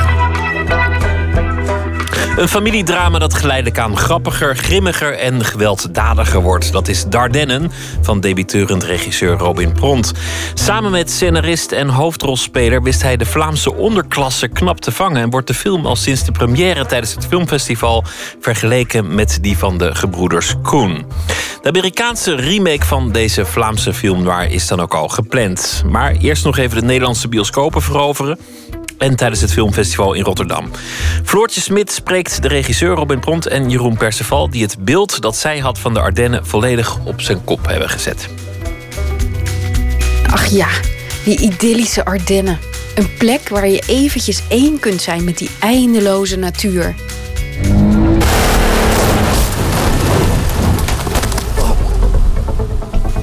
Voor een knapperend haardvuur met Ardennerham puur genieten in een erg vriendelijke streek. De makers van Dardenne zien dat heel anders. Dit is acteur en scenarist Jeroen Perceval. Dardenne is eigenlijk altijd zo'n beetje een, een, een, obscure plaats geweest voor, uh, voor, voor het, Nederlandstalige gedeelte van België. Uh, het is een vakantiebestemming voor het Nederlandstalige gedeelte. Maar in Dardenne gebeuren ook ja, duistere dingen, zoals bijvoorbeeld Dutroux. Of, of, ja, of in Dardenne is de enige plek in heel België waar je een beetje uh, een omgeving hebt met, met alleen maar bossen en geen huizen. Omdat uh, Vlaanderen is helemaal volgebouwd eigenlijk. En, en, en dus daar, dat, dat het spreekt de verbeelding aan. Zijn verbeelding in ieder geval wel. Hij schreef het toneelstuk Dardenne. En hij bewerkte het samen met regisseur Robin Pront tot een film. Over twee broers gaat het. Samen verantwoordelijk voor een mislukte inbraak.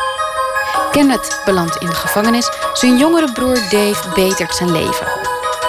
Maar dan komt het punt dat Kenneth weer vrijkomt. Ma, ligt de Kenny geen kus niet meer of wat? Och, manneke toch. Dus het komt er eigenlijk op neer dat uh, de ene broer uh, samen is met het ex-lief van de andere broer. En uh, ja, daar komt eigenlijk al het conflict van. Het gaat allemaal, allemaal over één vrouw eigenlijk.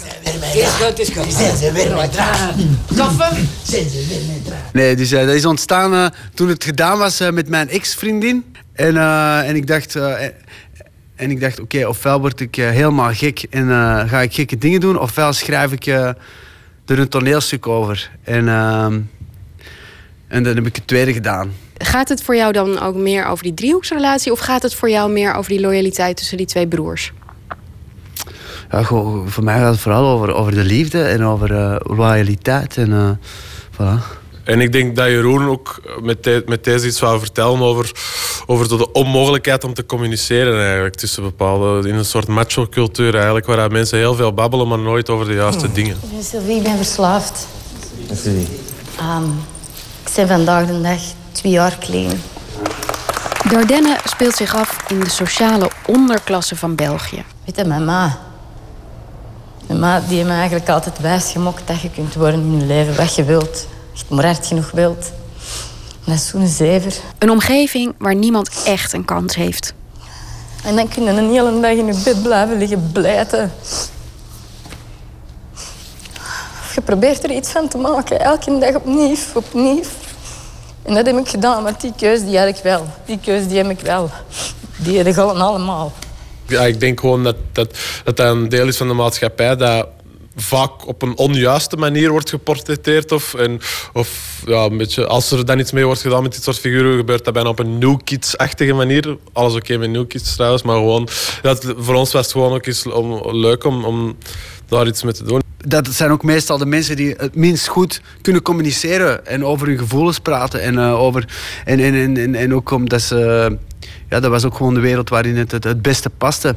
En die figuren, dus in België noemen we dat Johnny, Johnny's en Marina's. Ik weet niet hoe dat hier in Nederland noemen. Maar in ieder geval, ja, die, die, die, zo'n figuren bevinden zich meestal ook in die uh, laag van de bevolking. Ja, ey, we moeten er ook gewoon niet te veel research voor doen of zo. Dat is een beetje niet uit het leven gegrepen, want het, is, ey, het, is ook, het staat niet heel ver van ons af of zo. Op die manier dat we, ey, als we iets over zakenmensen willen doen, of over, dan moeten we lang met zakenmensen gaan praten. Dus daar hebben we niet zoveel zin in. Dus we, het was ook gewoon leuk om daar iets mee te doen. Ik, ik, ik, heb, eh, ik ben gefascineerd door zo'n figuren, door die wereld. Robin is gefascineerd door zo'n figuren, door die wereld. Eh, ik speel ook heel graag eh, zulke personages. En eh, voilà. We zijn ook alle twee een beetje eh, opgegroeid tussen dit soort figuren, laat het ons zo zeggen. Toch, Robin? Ja, ja. Maar waarom zijn jullie dan niet dat soort figuren geworden? Wel, eh, om, eh, ja, omdat, omdat ik eh, toevallig eh, hier en daar eh, be- misschien betere mogelijkheden aangeboden kreeg dan eh, andere eh, van die figuren. Eh, denk ik. En, en, en- ja. en, en die heb gegrepen. Ja, ik, bij mij dat altijd geweest. Ik heb mij die vraag ook al vaak gesteld. Maar bij mij is dat altijd geweest. Maar ik, had altijd gevoel, ik had altijd zo'n soort duidelijk gevoel voor een soort zin aan mijn leven. Ik wou gewoon films maken of verhalen. En ik vermoed veel van die mensen worden niet met dat gevoel geboren. Of ik denk dat die gewoon... of- Ja, uit mijn gevoel dat die van dag tot dag leven. Die, die, die doen een job, die gaan naar huis. En ja, die, die maken niet echt plannen. Ah, Dus ik dat dat... Ik heb altijd het gevoel dat ik deze echt heel graag wou doen of zo. Het eerste deel van Dardenne speelt zich af in troosteloze Belgische buitenwijken. Zelfs de autowasseretten waar de twee broers werken is smerig. Nee, dat is eh, de best echt waar. Over die cars kan ik kort zijn. Zelfs als zou ehm, Martin Scorsese of eh, de Coen Brothers of wie dan ook, Spielberg, als die een film zouden draaien in een car, zouden ze nog voor die car wash hebben gekozen. Dat was echt een ongelofelijke locatie. We hebben er niks aan moeten dressen, niks aan moeten veranderen. Ehm, ja, staat te koop trouwens. Dus eh, ja. En eh, nee, maar echt, eh, ik wou iets. Ik, eigenlijk, ik ben op het idee van een of wij zijn op het idee van een carwash gekomen. Maar ik heel graag een gevecht wou doen, is in een carwash. Ik ik zag een originele locatie, dacht in een carwash, dat is wel iets origineel. En daarvan is eigenlijk alles vertrokken van, oké, dan moeten die personages ook werken in een carwash. En zo zijn we tot eigenlijk tot dat gekomen. Maar die, die carwash zelf is eh, puur geluk dat we zoiets fantastisch hebben gevonden, ja. Waar, waar is hij eigenlijk, die carwash? Eh, op de A12 in Boom. Voor 10 euro, voor een prikkie, kan je je auto laten wassen daar. Ja. De Ardennen zelf zien er dus ook niet zo uit als in de vakantiefolders. De climax van de film speelt zich af tussen de autovrakken. In het surrealistische gezelschap van een halve psychopaat en een travestiet. Kenny. Hey, hey, hey. Komt goed, hè? Van een familiedrama wordt het een zwart komische thriller. Het is een bijna onmogelijke verandering in toon. En prompt komt er knap mee weg. Oh, en onze kopijn is er ook bij, zie ik. maar dat is voor straks. En wie heeft er goesting in een pannenkoekje? Ja, er zat nog veel meer humor in op het einde en, en nog veel meer dialoog. En dat hebben we er eigenlijk allemaal uitgegooid. Eh, ja, dus, op, dus we waren er wel natuurlijk mee bezig, die toon, dat die juist bleef. Maar we wisten wel dat het sowieso ging veranderen, maar we hebben dat wel proberen te controleren. Ja. En wat, wat voor meer humor had je erin? Fysieke humor? Of? Ja, meer punchlines, zoals het dan heet. Zo woordgrapjes en van die dingen, maar die hebben we er eigenlijk allemaal... Ja. Of bijvoorbeeld het personage van Stef. Maar dat is ook door de verdiensten van Jan Bijvoet natuurlijk. Dat kan ook op een hele andere manier ingevuld worden. Dat kan ook zo de, de, zoals ze zeggen in Vlaanderen, de flauwe plezante zijn. Eh, maar eh, hij heeft dat op een heel creepy, enge manier gespeeld. Waardoor dat, dat ja, personage natuurlijk ja, nu veel beter werkt, denk ik, dan dat hij had gedaan als dat een lolbroek was. Ja. Zodanig dat niet, maar kijk ik ook voor in de stad? Dan ga je Dave. En dan gaan we wel laten vangen. Huh? Is er een Miss Dave? Of Mr. Dave, kan ook natuurlijk. We moeten daar mee oppassen, Dave. Echt waar. Echt waar, we moeten daar oppassen, hè. Ik zie in een heleboel recensies dat dit eh, typisch Flemish noir wordt genoemd. Wat vind je eigenlijk van die term? En, en en vind je het ook een soort beweging of vind je het eigenlijk onzin? Ehm, ik vind het een mooie term, dat wel. Maar of, of een beweging zou ik niet noemen. Er worden heel weinig misdaadfilms gemaakt in Vlaanderen. Ik denk nu met Michael en Robin dat er een beweging is gestart. Met, met uh, Michael Roskam en Robin hier. De beweging is begonnen. Een hele kleine beweging. nee, ja, maar... Ik, ik ben zelf natuurlijk niet bezig met, met, met rand of brandzaken, hoe dat ik ga benoemen. Ik probeer gewoon mijn film te maken natuurlijk. En of, of dat dan wel of niet in de soort new wave of Flemish cinema, zoals het dan ook wel eens wordt genoemd, past. Uh, ja, daar ben ik eigenlijk allemaal niet mee bezig. Maar ik vind het wel leuk als uh, mensen erover kunnen schrijven of praten, ja. En de vergelijkingen met de Coens die heel vaak worden gemaakt, wat vind je daarvan?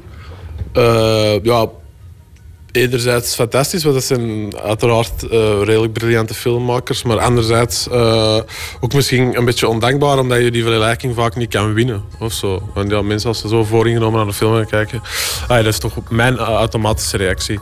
Als ik iemand wordt vergeleken met zo mensen die zo hoog staan. Ik hoop dat de film op zijn eigen manier er staat. Maar ja, ik word liever met hen vergeleken dan met... Ja, naamregisseur met wie ik niet wil vergeleken worden.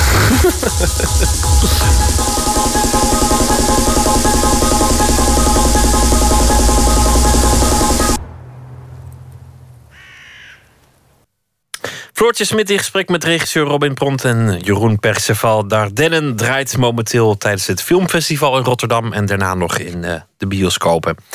Ze nam veel muziek op in de jaren 50 voor het uh, befaamde label Atlantic Records. Ruth Brown. En hier is ze met uh, een nummer wat later in haar loopbaan uit 1978, I Don't Know.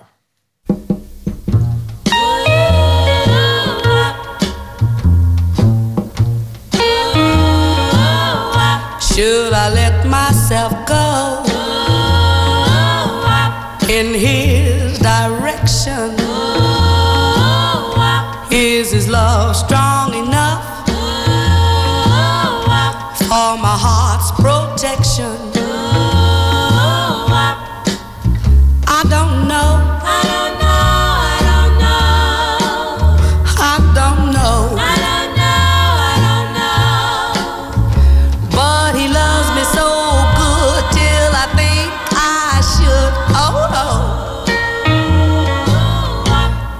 oh.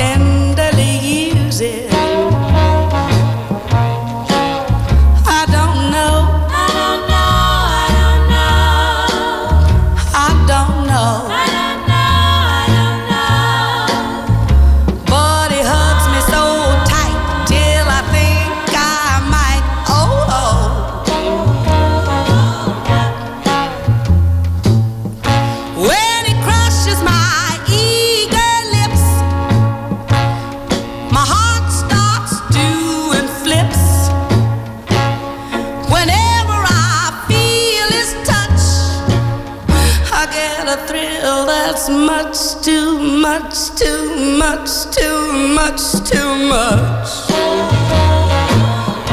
Could a heart so right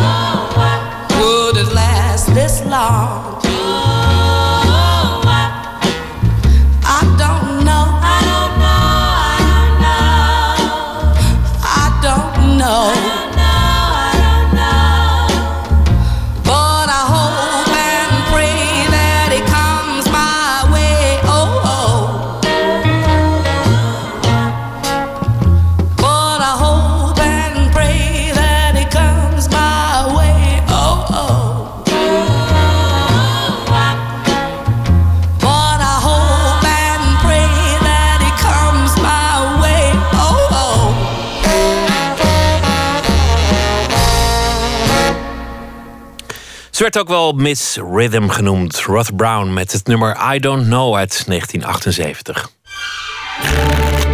Open kaart.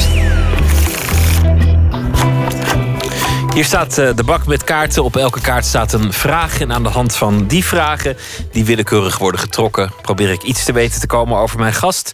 Cas Jansen is dat. Hij is geboren in 1977. Acteur van heel veel eh, films, televisieproducties. eh, Fort Alpha, Goede Tijden, All Stars, Spoorloos Verdwenen. En ook heel erg veel theater. En dat is de reden dat hij hier is. Want eh, het nieuwe stuk, dat zal 15 februari in Leiden in de Schouwburg in première gaan.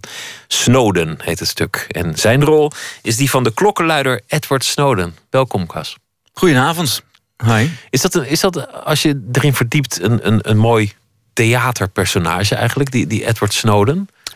Albert Blom is de eh, initiatiefnemer en schrijver van dit stuk. Eh, die benaderde me. Eh, toen ben ik eens met hem gaan zitten.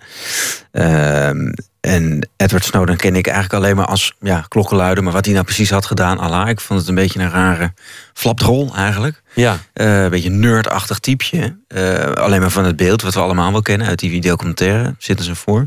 En toen vertelde Allard eigenlijk wat hij nou precies teweeg heeft gebracht. Wat, hij nou, eh, wat, wat er precies eh, qua inhoud in die stukken stond. Ehm, en dat is, dan begint er opeens, komt er een soort hele rare, freaky wereld gaat er dan voor je open. En dat je denkt, jeetje mina, die gozer heeft een enorme druk op zich moeten voelen. Eh, en hij is 29 jaar oud. Een jongen die eigenlijk een heel leuk leven leidde. eh, op Hawaii. Met zijn best leuke vriendin. Werkte niet direct voor de NSA, voor de National Security Agency, maar een bedrijf die daar weer voor werkt. Dus het is ook niet zo dat hij geheime agent was of zo en de druk van buitenaf of de Russen voelde of whatever. Hij was gewoon systeembeheerder. En hij heeft vanuit zijn eigen leven is hij al die dingen gaan verzamelen. En hij vond het, ja, het, het onrecht of eh, de schending van privacy, eh, eh, overheden en regeringen die gewoon maar met, met ons spelen. Vond hij zo dusdanig belangrijk dat hij zijn hele leven op het spel heeft gezet. Want iedereen was het eigenlijk eens met, met het belang van de bevindingen die hij naar buiten bracht. De, alle wereldleiders zeiden ja, nee, dat is eh, zorgelijk of, of het heeft onze aandacht. Eigenlijk niemand ontkende dat er iets aan de hand was. Mhm.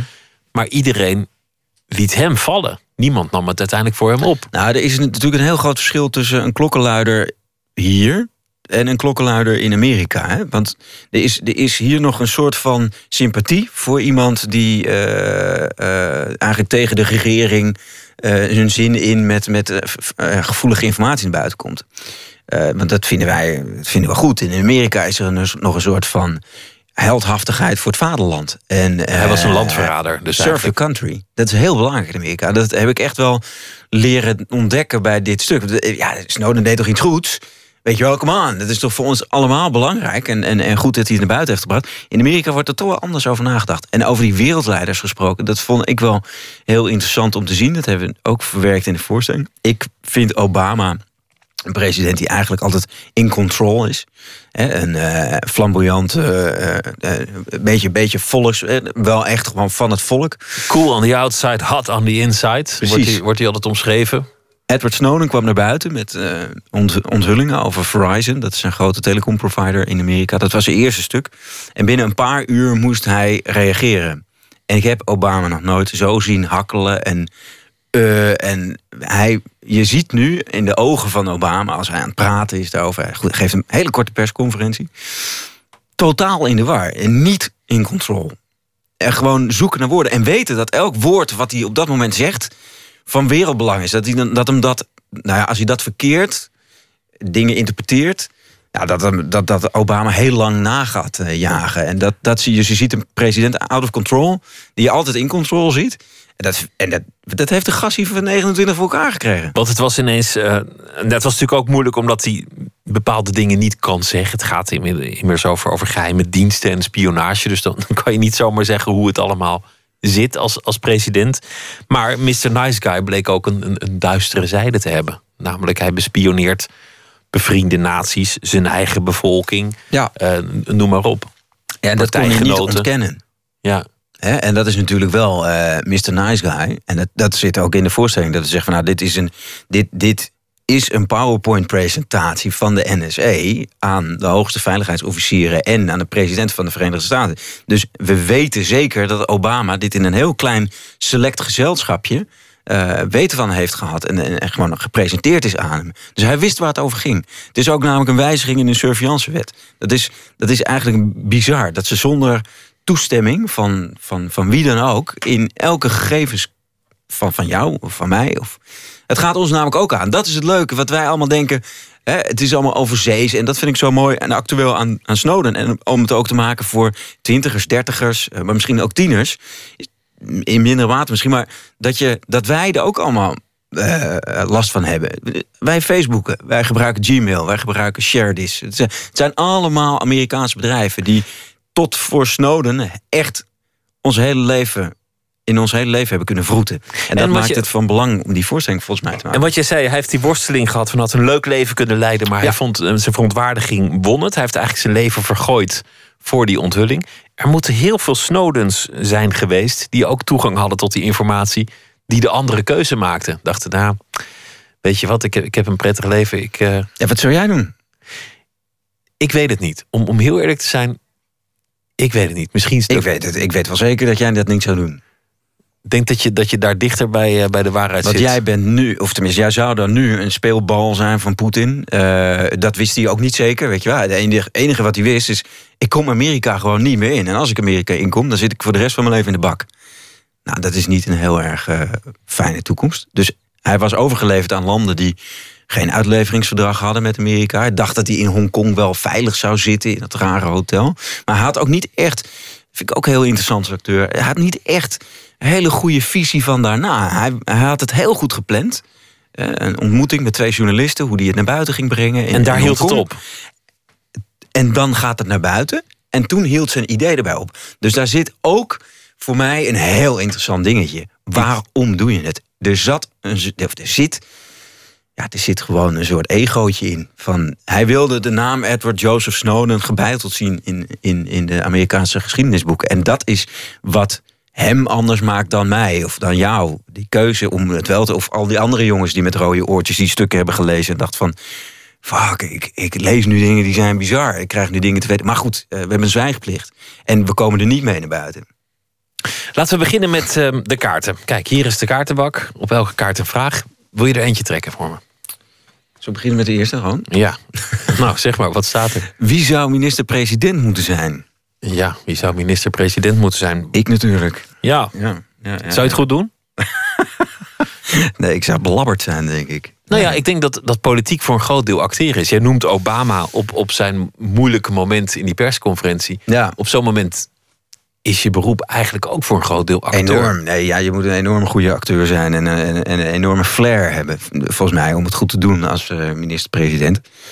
Het lijkt me wel echt een hondenbaan hoor. Zouden ze van jou kunnen leren als acteur? Kijk, kijk jij naar politici en denk maar je, oh, die oh, dit- politici die lopen toch bij, bij eh, hoe heet dat, eh, mediatrainers. En die krijgen toch de ene, zo'n heel debat wordt toch voorgekookt en, eh, en zes keer Maar dat, dat zijn vaak, en dat zijn vaak bedacht. gesjeeste journalisten, maar, maar volgens mij niet theatrale acteurs. En daar zouden ze misschien wel meer aan hebben. Ik weet niet. Ik denk dat de grootste theatrale. Nou ja, eh, eh, degene die het meeste. Nou ja, teweeg brengen, bijvoorbeeld aan Donald Trump. Bijvoorbeeld, is nu een goed voorbeeld in Amerika. Hè, wat je ervan vindt. Een heel verschrikkelijke man. Maar ja, het, is gewoon één groot acteerspel. Ik bedoel, je, je denkt. Hoe ga ik nou zo mee, eh, de, de meeste aandacht krijgen bij een tv-debat? Nou, door niet te komen en een eigen debat te bedenken. Ik, ik denk dat Wilners bijvoorbeeld in Nederland het heel goed doet. Eh, eh, je kan zeggen wat je wil van hem, maar media geniek is hij wel. Want de boycott, hij boycott gewoon eh, hier, volgens mij de NOS. Hij, hij zit nooit bij de wereld door. Doet hij niet. Waarom niet? Omdat hij weet dat hij daar gefileerd wordt waarschijnlijk. En daar heeft hij helemaal geen zin in. En dat te boycotten, ja, dan bereikt hij een veel groter mediabereik mee natuurlijk. En bepaalt daarmee de agenda. Kun je nog een kaart trekken?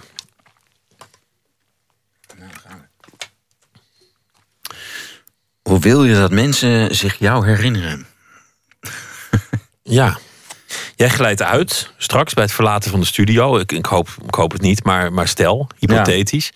Je, je komt ongelukkig terecht. Dat was het dan. Wat, wat, wat moeten mensen dan over vijf jaar van je denken? Eh, dat ligt er helemaal aan eh, wie het vraagt natuurlijk. De mensen voor, van wie het jou uitmaakt wat ze dan ja, denken. als mijn vrouw het is, of mijn, ouders, of eh, mijn kinderen, dan, eh, dan moeten ze gewoon een heel leuk mens eh, zichzelf, ja, zich herinneren. En, een leuk mens? Ja, alleen maar leuke her- herinneringen aan Maar mij. wat, wat is een leuk mens? Een vro- een vrolijk mens? Of, of... Ja, een gedreven mens en iemand die wel ergens voor staat en wil vechten. En nooit een. ja, de, de keren dat ik me verveeld heb, is toch lang geleden. En dat vind ik toch wel belangrijk. Ik ben altijd bezig. Energiek. En wil- ja, en dat wil ik wel dat ze dat, eh, dat, ze dat nog herinneren. Ja, mooi. Trek nog een kaart. Hoeveel eh, gaan we er doen? Nou, we kijken wel. Heb je een fetish? Oei. Ja. Ja, we natuurlijk allemaal duistere feestjes horen en zo. En, eh, Of niet. Het maakt mij niet uit of, wat voor vet is. Maar het is wel interessant wanneer je iets een vet is Ja, noemt dat ook trouwens. Ik, ook. ik vind ook een. eh, ik. ik- borrel, heel veel borrelnoten eten is toch ook een soort fetish of zo? Of een, ik heb me ooit eens laten fotograferen in een, in een, in een bad met borrelnoten. Oh ja, dan begint het wel dan richting het wel te komen. fetish te komen. Ja, gewoon zo'n bakje, dan dacht ik, nee, dat vind ik geen fetish, maar een heel bad vol. Nee, ze is hebben echt eh, acht vuilniszakken vol met eh, van die borrelnoten in een badlaai. Ja, het, Wat- het, wat ik kost dat dan ja, nou, niet ze was, ze- er was een vraag. Je wordt op een leuke, of een aparte of een bizarre manier gefotografeerd met je, met je eh, met waar je een zwak voor hebt of qua, qua eten. Het moest wel iets met eten of drinken te maken. Toen zei ik, ja, nou ja, ik zet me een, bak borrelnoten voor mijn neus en dat ding is leeg. Ja, verder heb ik dit niet. Ik heb dit niet met zoet en ik heb het niet met chocola, maar met borrelnoten of noten, ja. Maar dat bad is niet En leeg gegaan nou- toen. En toen zei ik, nou, toen zei ik voor de grap, is, nou, ik eh, zou wel eens in een bad met borrelnoten willen liggen. En toen hebben ze dat bad gevuld en hebben in dat ding gelegd. Dus als je het over fetish hebt, ja. Maar toen, maar toen kon je je wel inhouden. Toen, toen ben je niet, niet eh, misselijk uit dat bad gekropen. Ik heb wel heel veel borrelnoten gegeten, ja. Maar je ziet er niet uit als iemand die heel veel borrelnoten eet. Nee, maar je moet ook dat veel trainen. En je moet ook eh, eh, af en toe een rem op die borrelnoten zetten. Zelfbeheersing, discipline. Dus dat is ja, discipline, belangrijk. dat hoort ook wel bij mij. En ik hoop ook wel dat ze dat er een beetje... eh, Zullen herinneren aan het zullen eind. ja, ja. Want je bent een harde werker. Je doet veel. Ja, en, maar dat vind ik ook leuk. Ja, jezus, ik bedoel, het is anders ook zo saai, toch? Vind ik hoor. En ik, ja, het is zo echt kort, jongens. Ik bedoel, ik ben Wat bijna leef je? 40. Ja. Eh, eh, zo, zo, het vliegt zo voorbij. Het zijn allemaal clichés. En het is allemaal natuurlijk zo'n jonge vader. Dat mensen horen, oh, dat is een jonge, jonge vader. Maar het is allemaal waar. En ehm, een beetje stilzitten, daar bereik je niet zoveel mee. Tenminste, ik niet. En ik geniet er ook niet van. Dus, ehm, Trek nog maar een kaart dan. kun je goed afscheid nemen. Ik ben altijd eh, de Houdini. Zo, zo word ik altijd genoemd door mijn vrienden. De boeienkoning? Nee, nee, nee, die is altijd zo in één keer weg. Ik eh, zeg eh, nooit gedag. eh, Heel verstandig. ik, als ik uitga.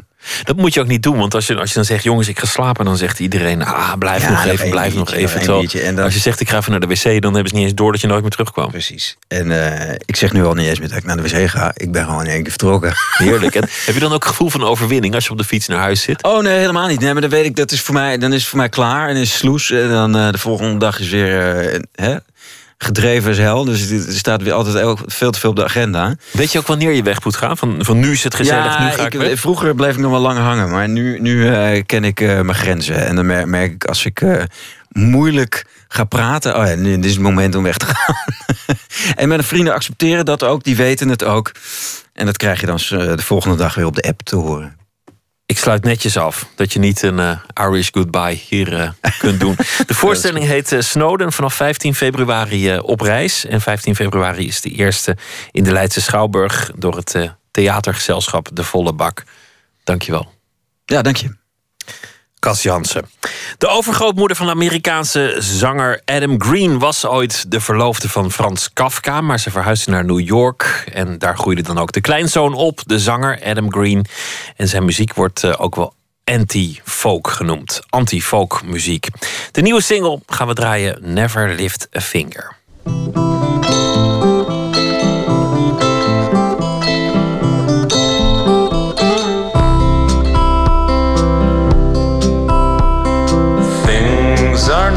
So horrible.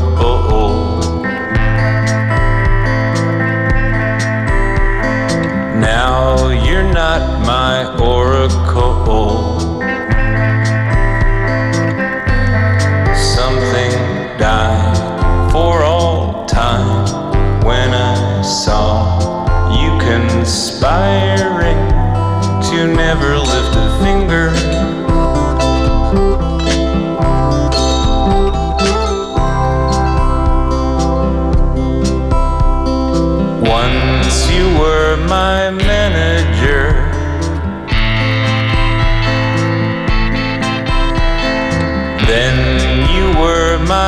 Passenger.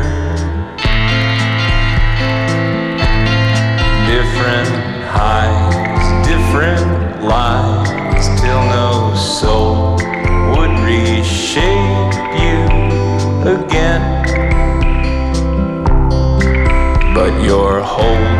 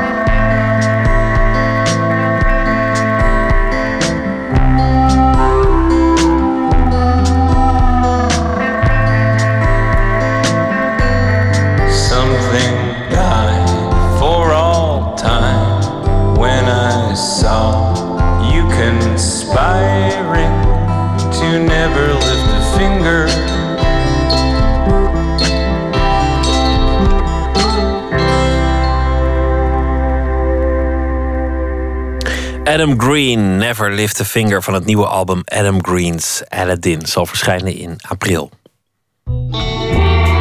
Nooit meer slapen. Muziekonderwijs hoeft niet saai te zijn, want je zou basisschoolleerlingen ook gewoon op school samen in een heus symfonieorkest kunnen laten spelen. En dat was dan ook de gedachte achter het leerorkest. Dat bestaat eh, tien jaar vandaag. En er werd dan ook een eh, boek omtrent het initiatief gepresenteerd: Violen in de Gymzaal. En Colau is nachtcorrespondent en eh, dook in de wereld van het basisschool symfonieorkest. Hoe begint zoiets en hoe, hoe krijg je dat op poten? Ja, het, het is eh, echt wel bijzonder. Want het is dus niet dat die kinderen, die zijn dan tussen de acht en de twaalf, dat ze na school naar muziekles gaan. Maar het is gewoon tijdens schooltijd. En het is echt een heus symfonieorkest.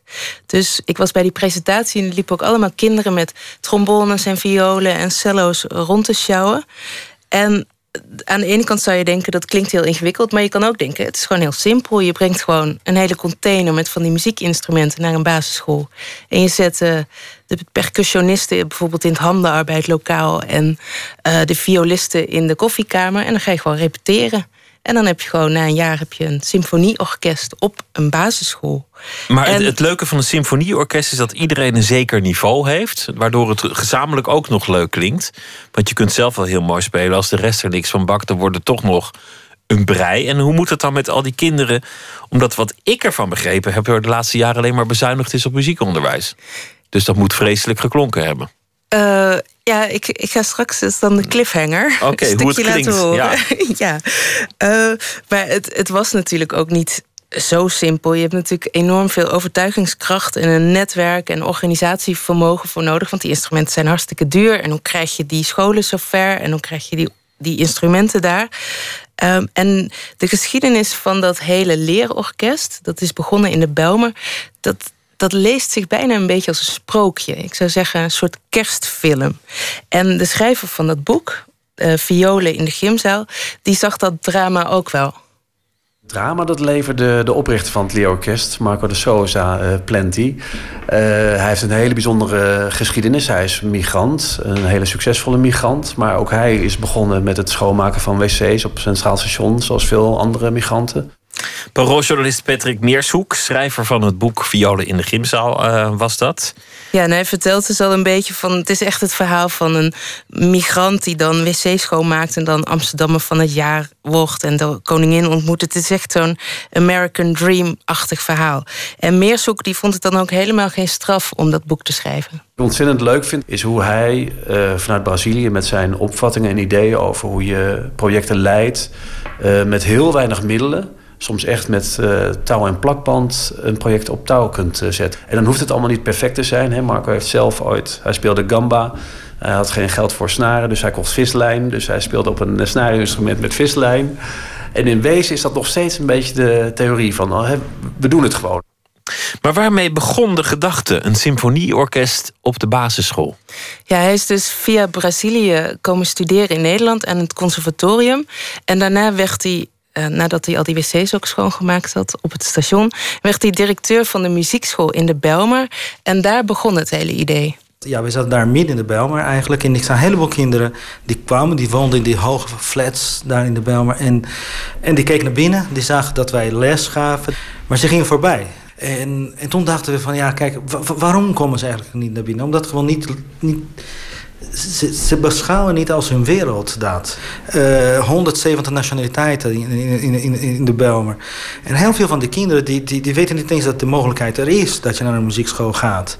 Ja, en dus bedacht hij van. Ik kan wel die kinderen naar de muziekles brengen. Ik kan ook gewoon de muziekles naar die kinderen brengen. En die kinderen die zitten verplicht op die basisschool. Dus als ik nu daar gewoon begin. En ik sprak hem dus even en hij had wel een bijzonder verhaal van hoe hij die waarde van muziek heeft leren kennen. Hij heeft onder andere uh, les gegeven als vrijwilliger in de favelas. Maar ook wel een treurig verhaal. Want voor hem was als kind muziek ook extreem belangrijk.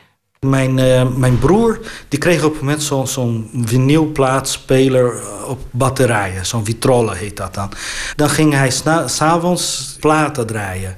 Het was Mozart, uh, Beethoven. En ik had dus zeker in die tijd een hele moeilijke gezinssituatie eigenlijk. Met heel veel spanningen en zo. En dat was voor, voor mij een soort uh, ja, oase zo. En dat vulde gewoon denk ik ook de, de leegte die wij eigenlijk op dat moment erv ja, ervaren eigenlijk in ons gezin. Ja, de leegte uh, ontvluchten door, door muziek te maken. Klinkt heel mooi.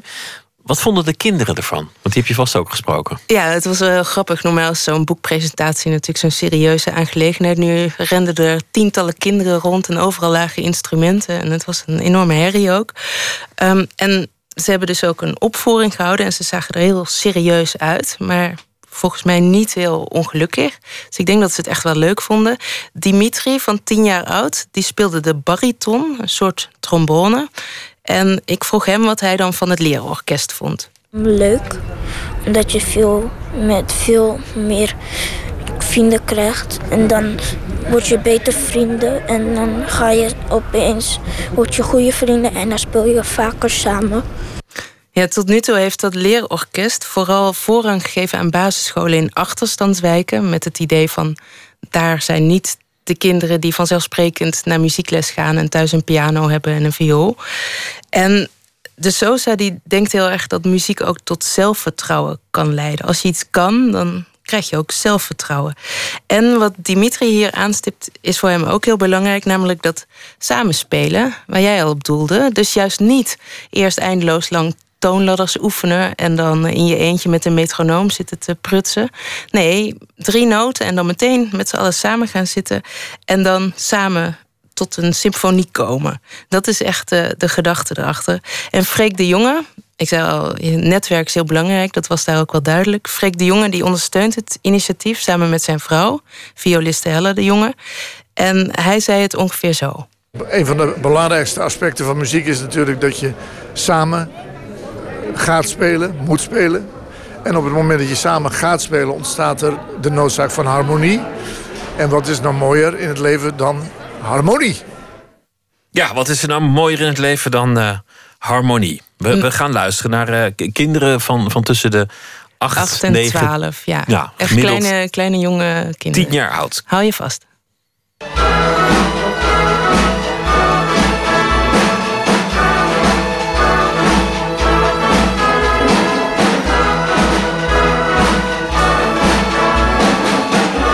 Ze speelde het daarna nog een keer in een iets snellere versie. Dat konden ze ook. Ik vond het wel indrukwekkend, uh, toch? Er is een uh, boek over verschenen. Violen in de gymzaal van Patrick Meershoek... over het uh, klinkende succes van het leerorkest. En Nicolaou, dank je wel. Goeienacht. Goeienacht. De Amerikaanse popzangeres Rihanna, ook jong begonnen, heeft nu een nieuw album. Anti is daarvan de titel. En de plaat is ook een beetje anti. Ze keert zich namelijk tegen de verwachtingen die er waren ten aanzien van haar eh, muziek en haar persoon. Geen eh, hits dus op die plaat, geen gelikte muziek, maar gewoon muziek die zij op dat moment zelf wilde maken. Een eh, versie bijvoorbeeld van Tame Impala van het album Currents van hun. Haar versie heet het Same All Mistakes. Hier is Rihanna. Wow.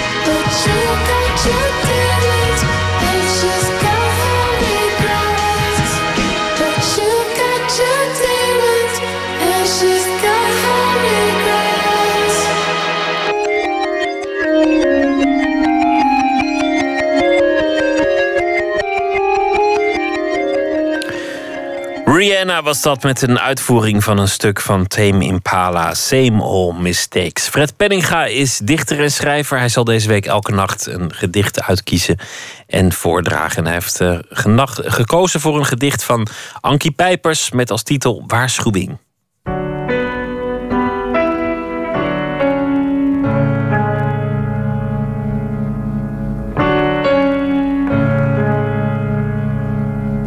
Het gedicht wat ik eh, vandaag wil lezen is gemaakt door Ankie Pijpers. Zij is eh, mijn eh, ja, persoonlijke coach geweest, leermeester, voorbeeld, hoe, hoe zal ik het noemen? Goede vriendin, bovendien, of boven alles eigenlijk. En ehm, zij is inmiddels overleden. Maar haar werk had toch altijd wel een beetje, een beetje, een geëngageerde toon. En eh, zij is eh, met name heel bekend geworden in de vrouwenbeweging en de daarbij horende emancipatiestrijd. Eh, zij was een van de medeoprichters van het blad Surplus. Het ging vaak over de mannen in haar gedichten en dan op haar manier. Waarschuwing.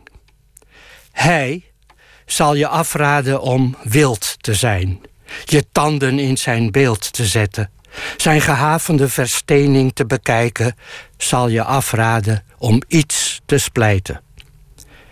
Is bereid je beide ogen pasklaar te maken voor zijn lenzen. Knoeit geduldig aan je strottenhoofd tot zijn woorden op je stemband staan, omdat hij alles voor je over heeft. En je mag naar zijn radio luisteren. En zijn wegen mag je bewandelen. Zijn huizen bewonen. Er zijn geen anderen. Trots zal hij naar je kijken. Naar Gods eigen gereide kleuter. Die mag gissen wat er gaande is. Die niets mag bewegen. Een gedicht van Ankie Pijpers, waarschuwing gelezen door Fred Penninga. Morgen weer een gedicht dat hij zal voordragen. Morgen op bezoek Ruben Terlouw. Hij is fotograaf en arts en maakt een reisserie over China... die vanaf zondag op televisie te zien zal zijn. En presentator Chris Segers komt langs, want hij heeft het commentaar gegeven... bij een groot beeld natuurfilm over uh, diepzeemonsters. Wens ik u een hele goede nacht, morgen een leuke dag en graag weer tot dan.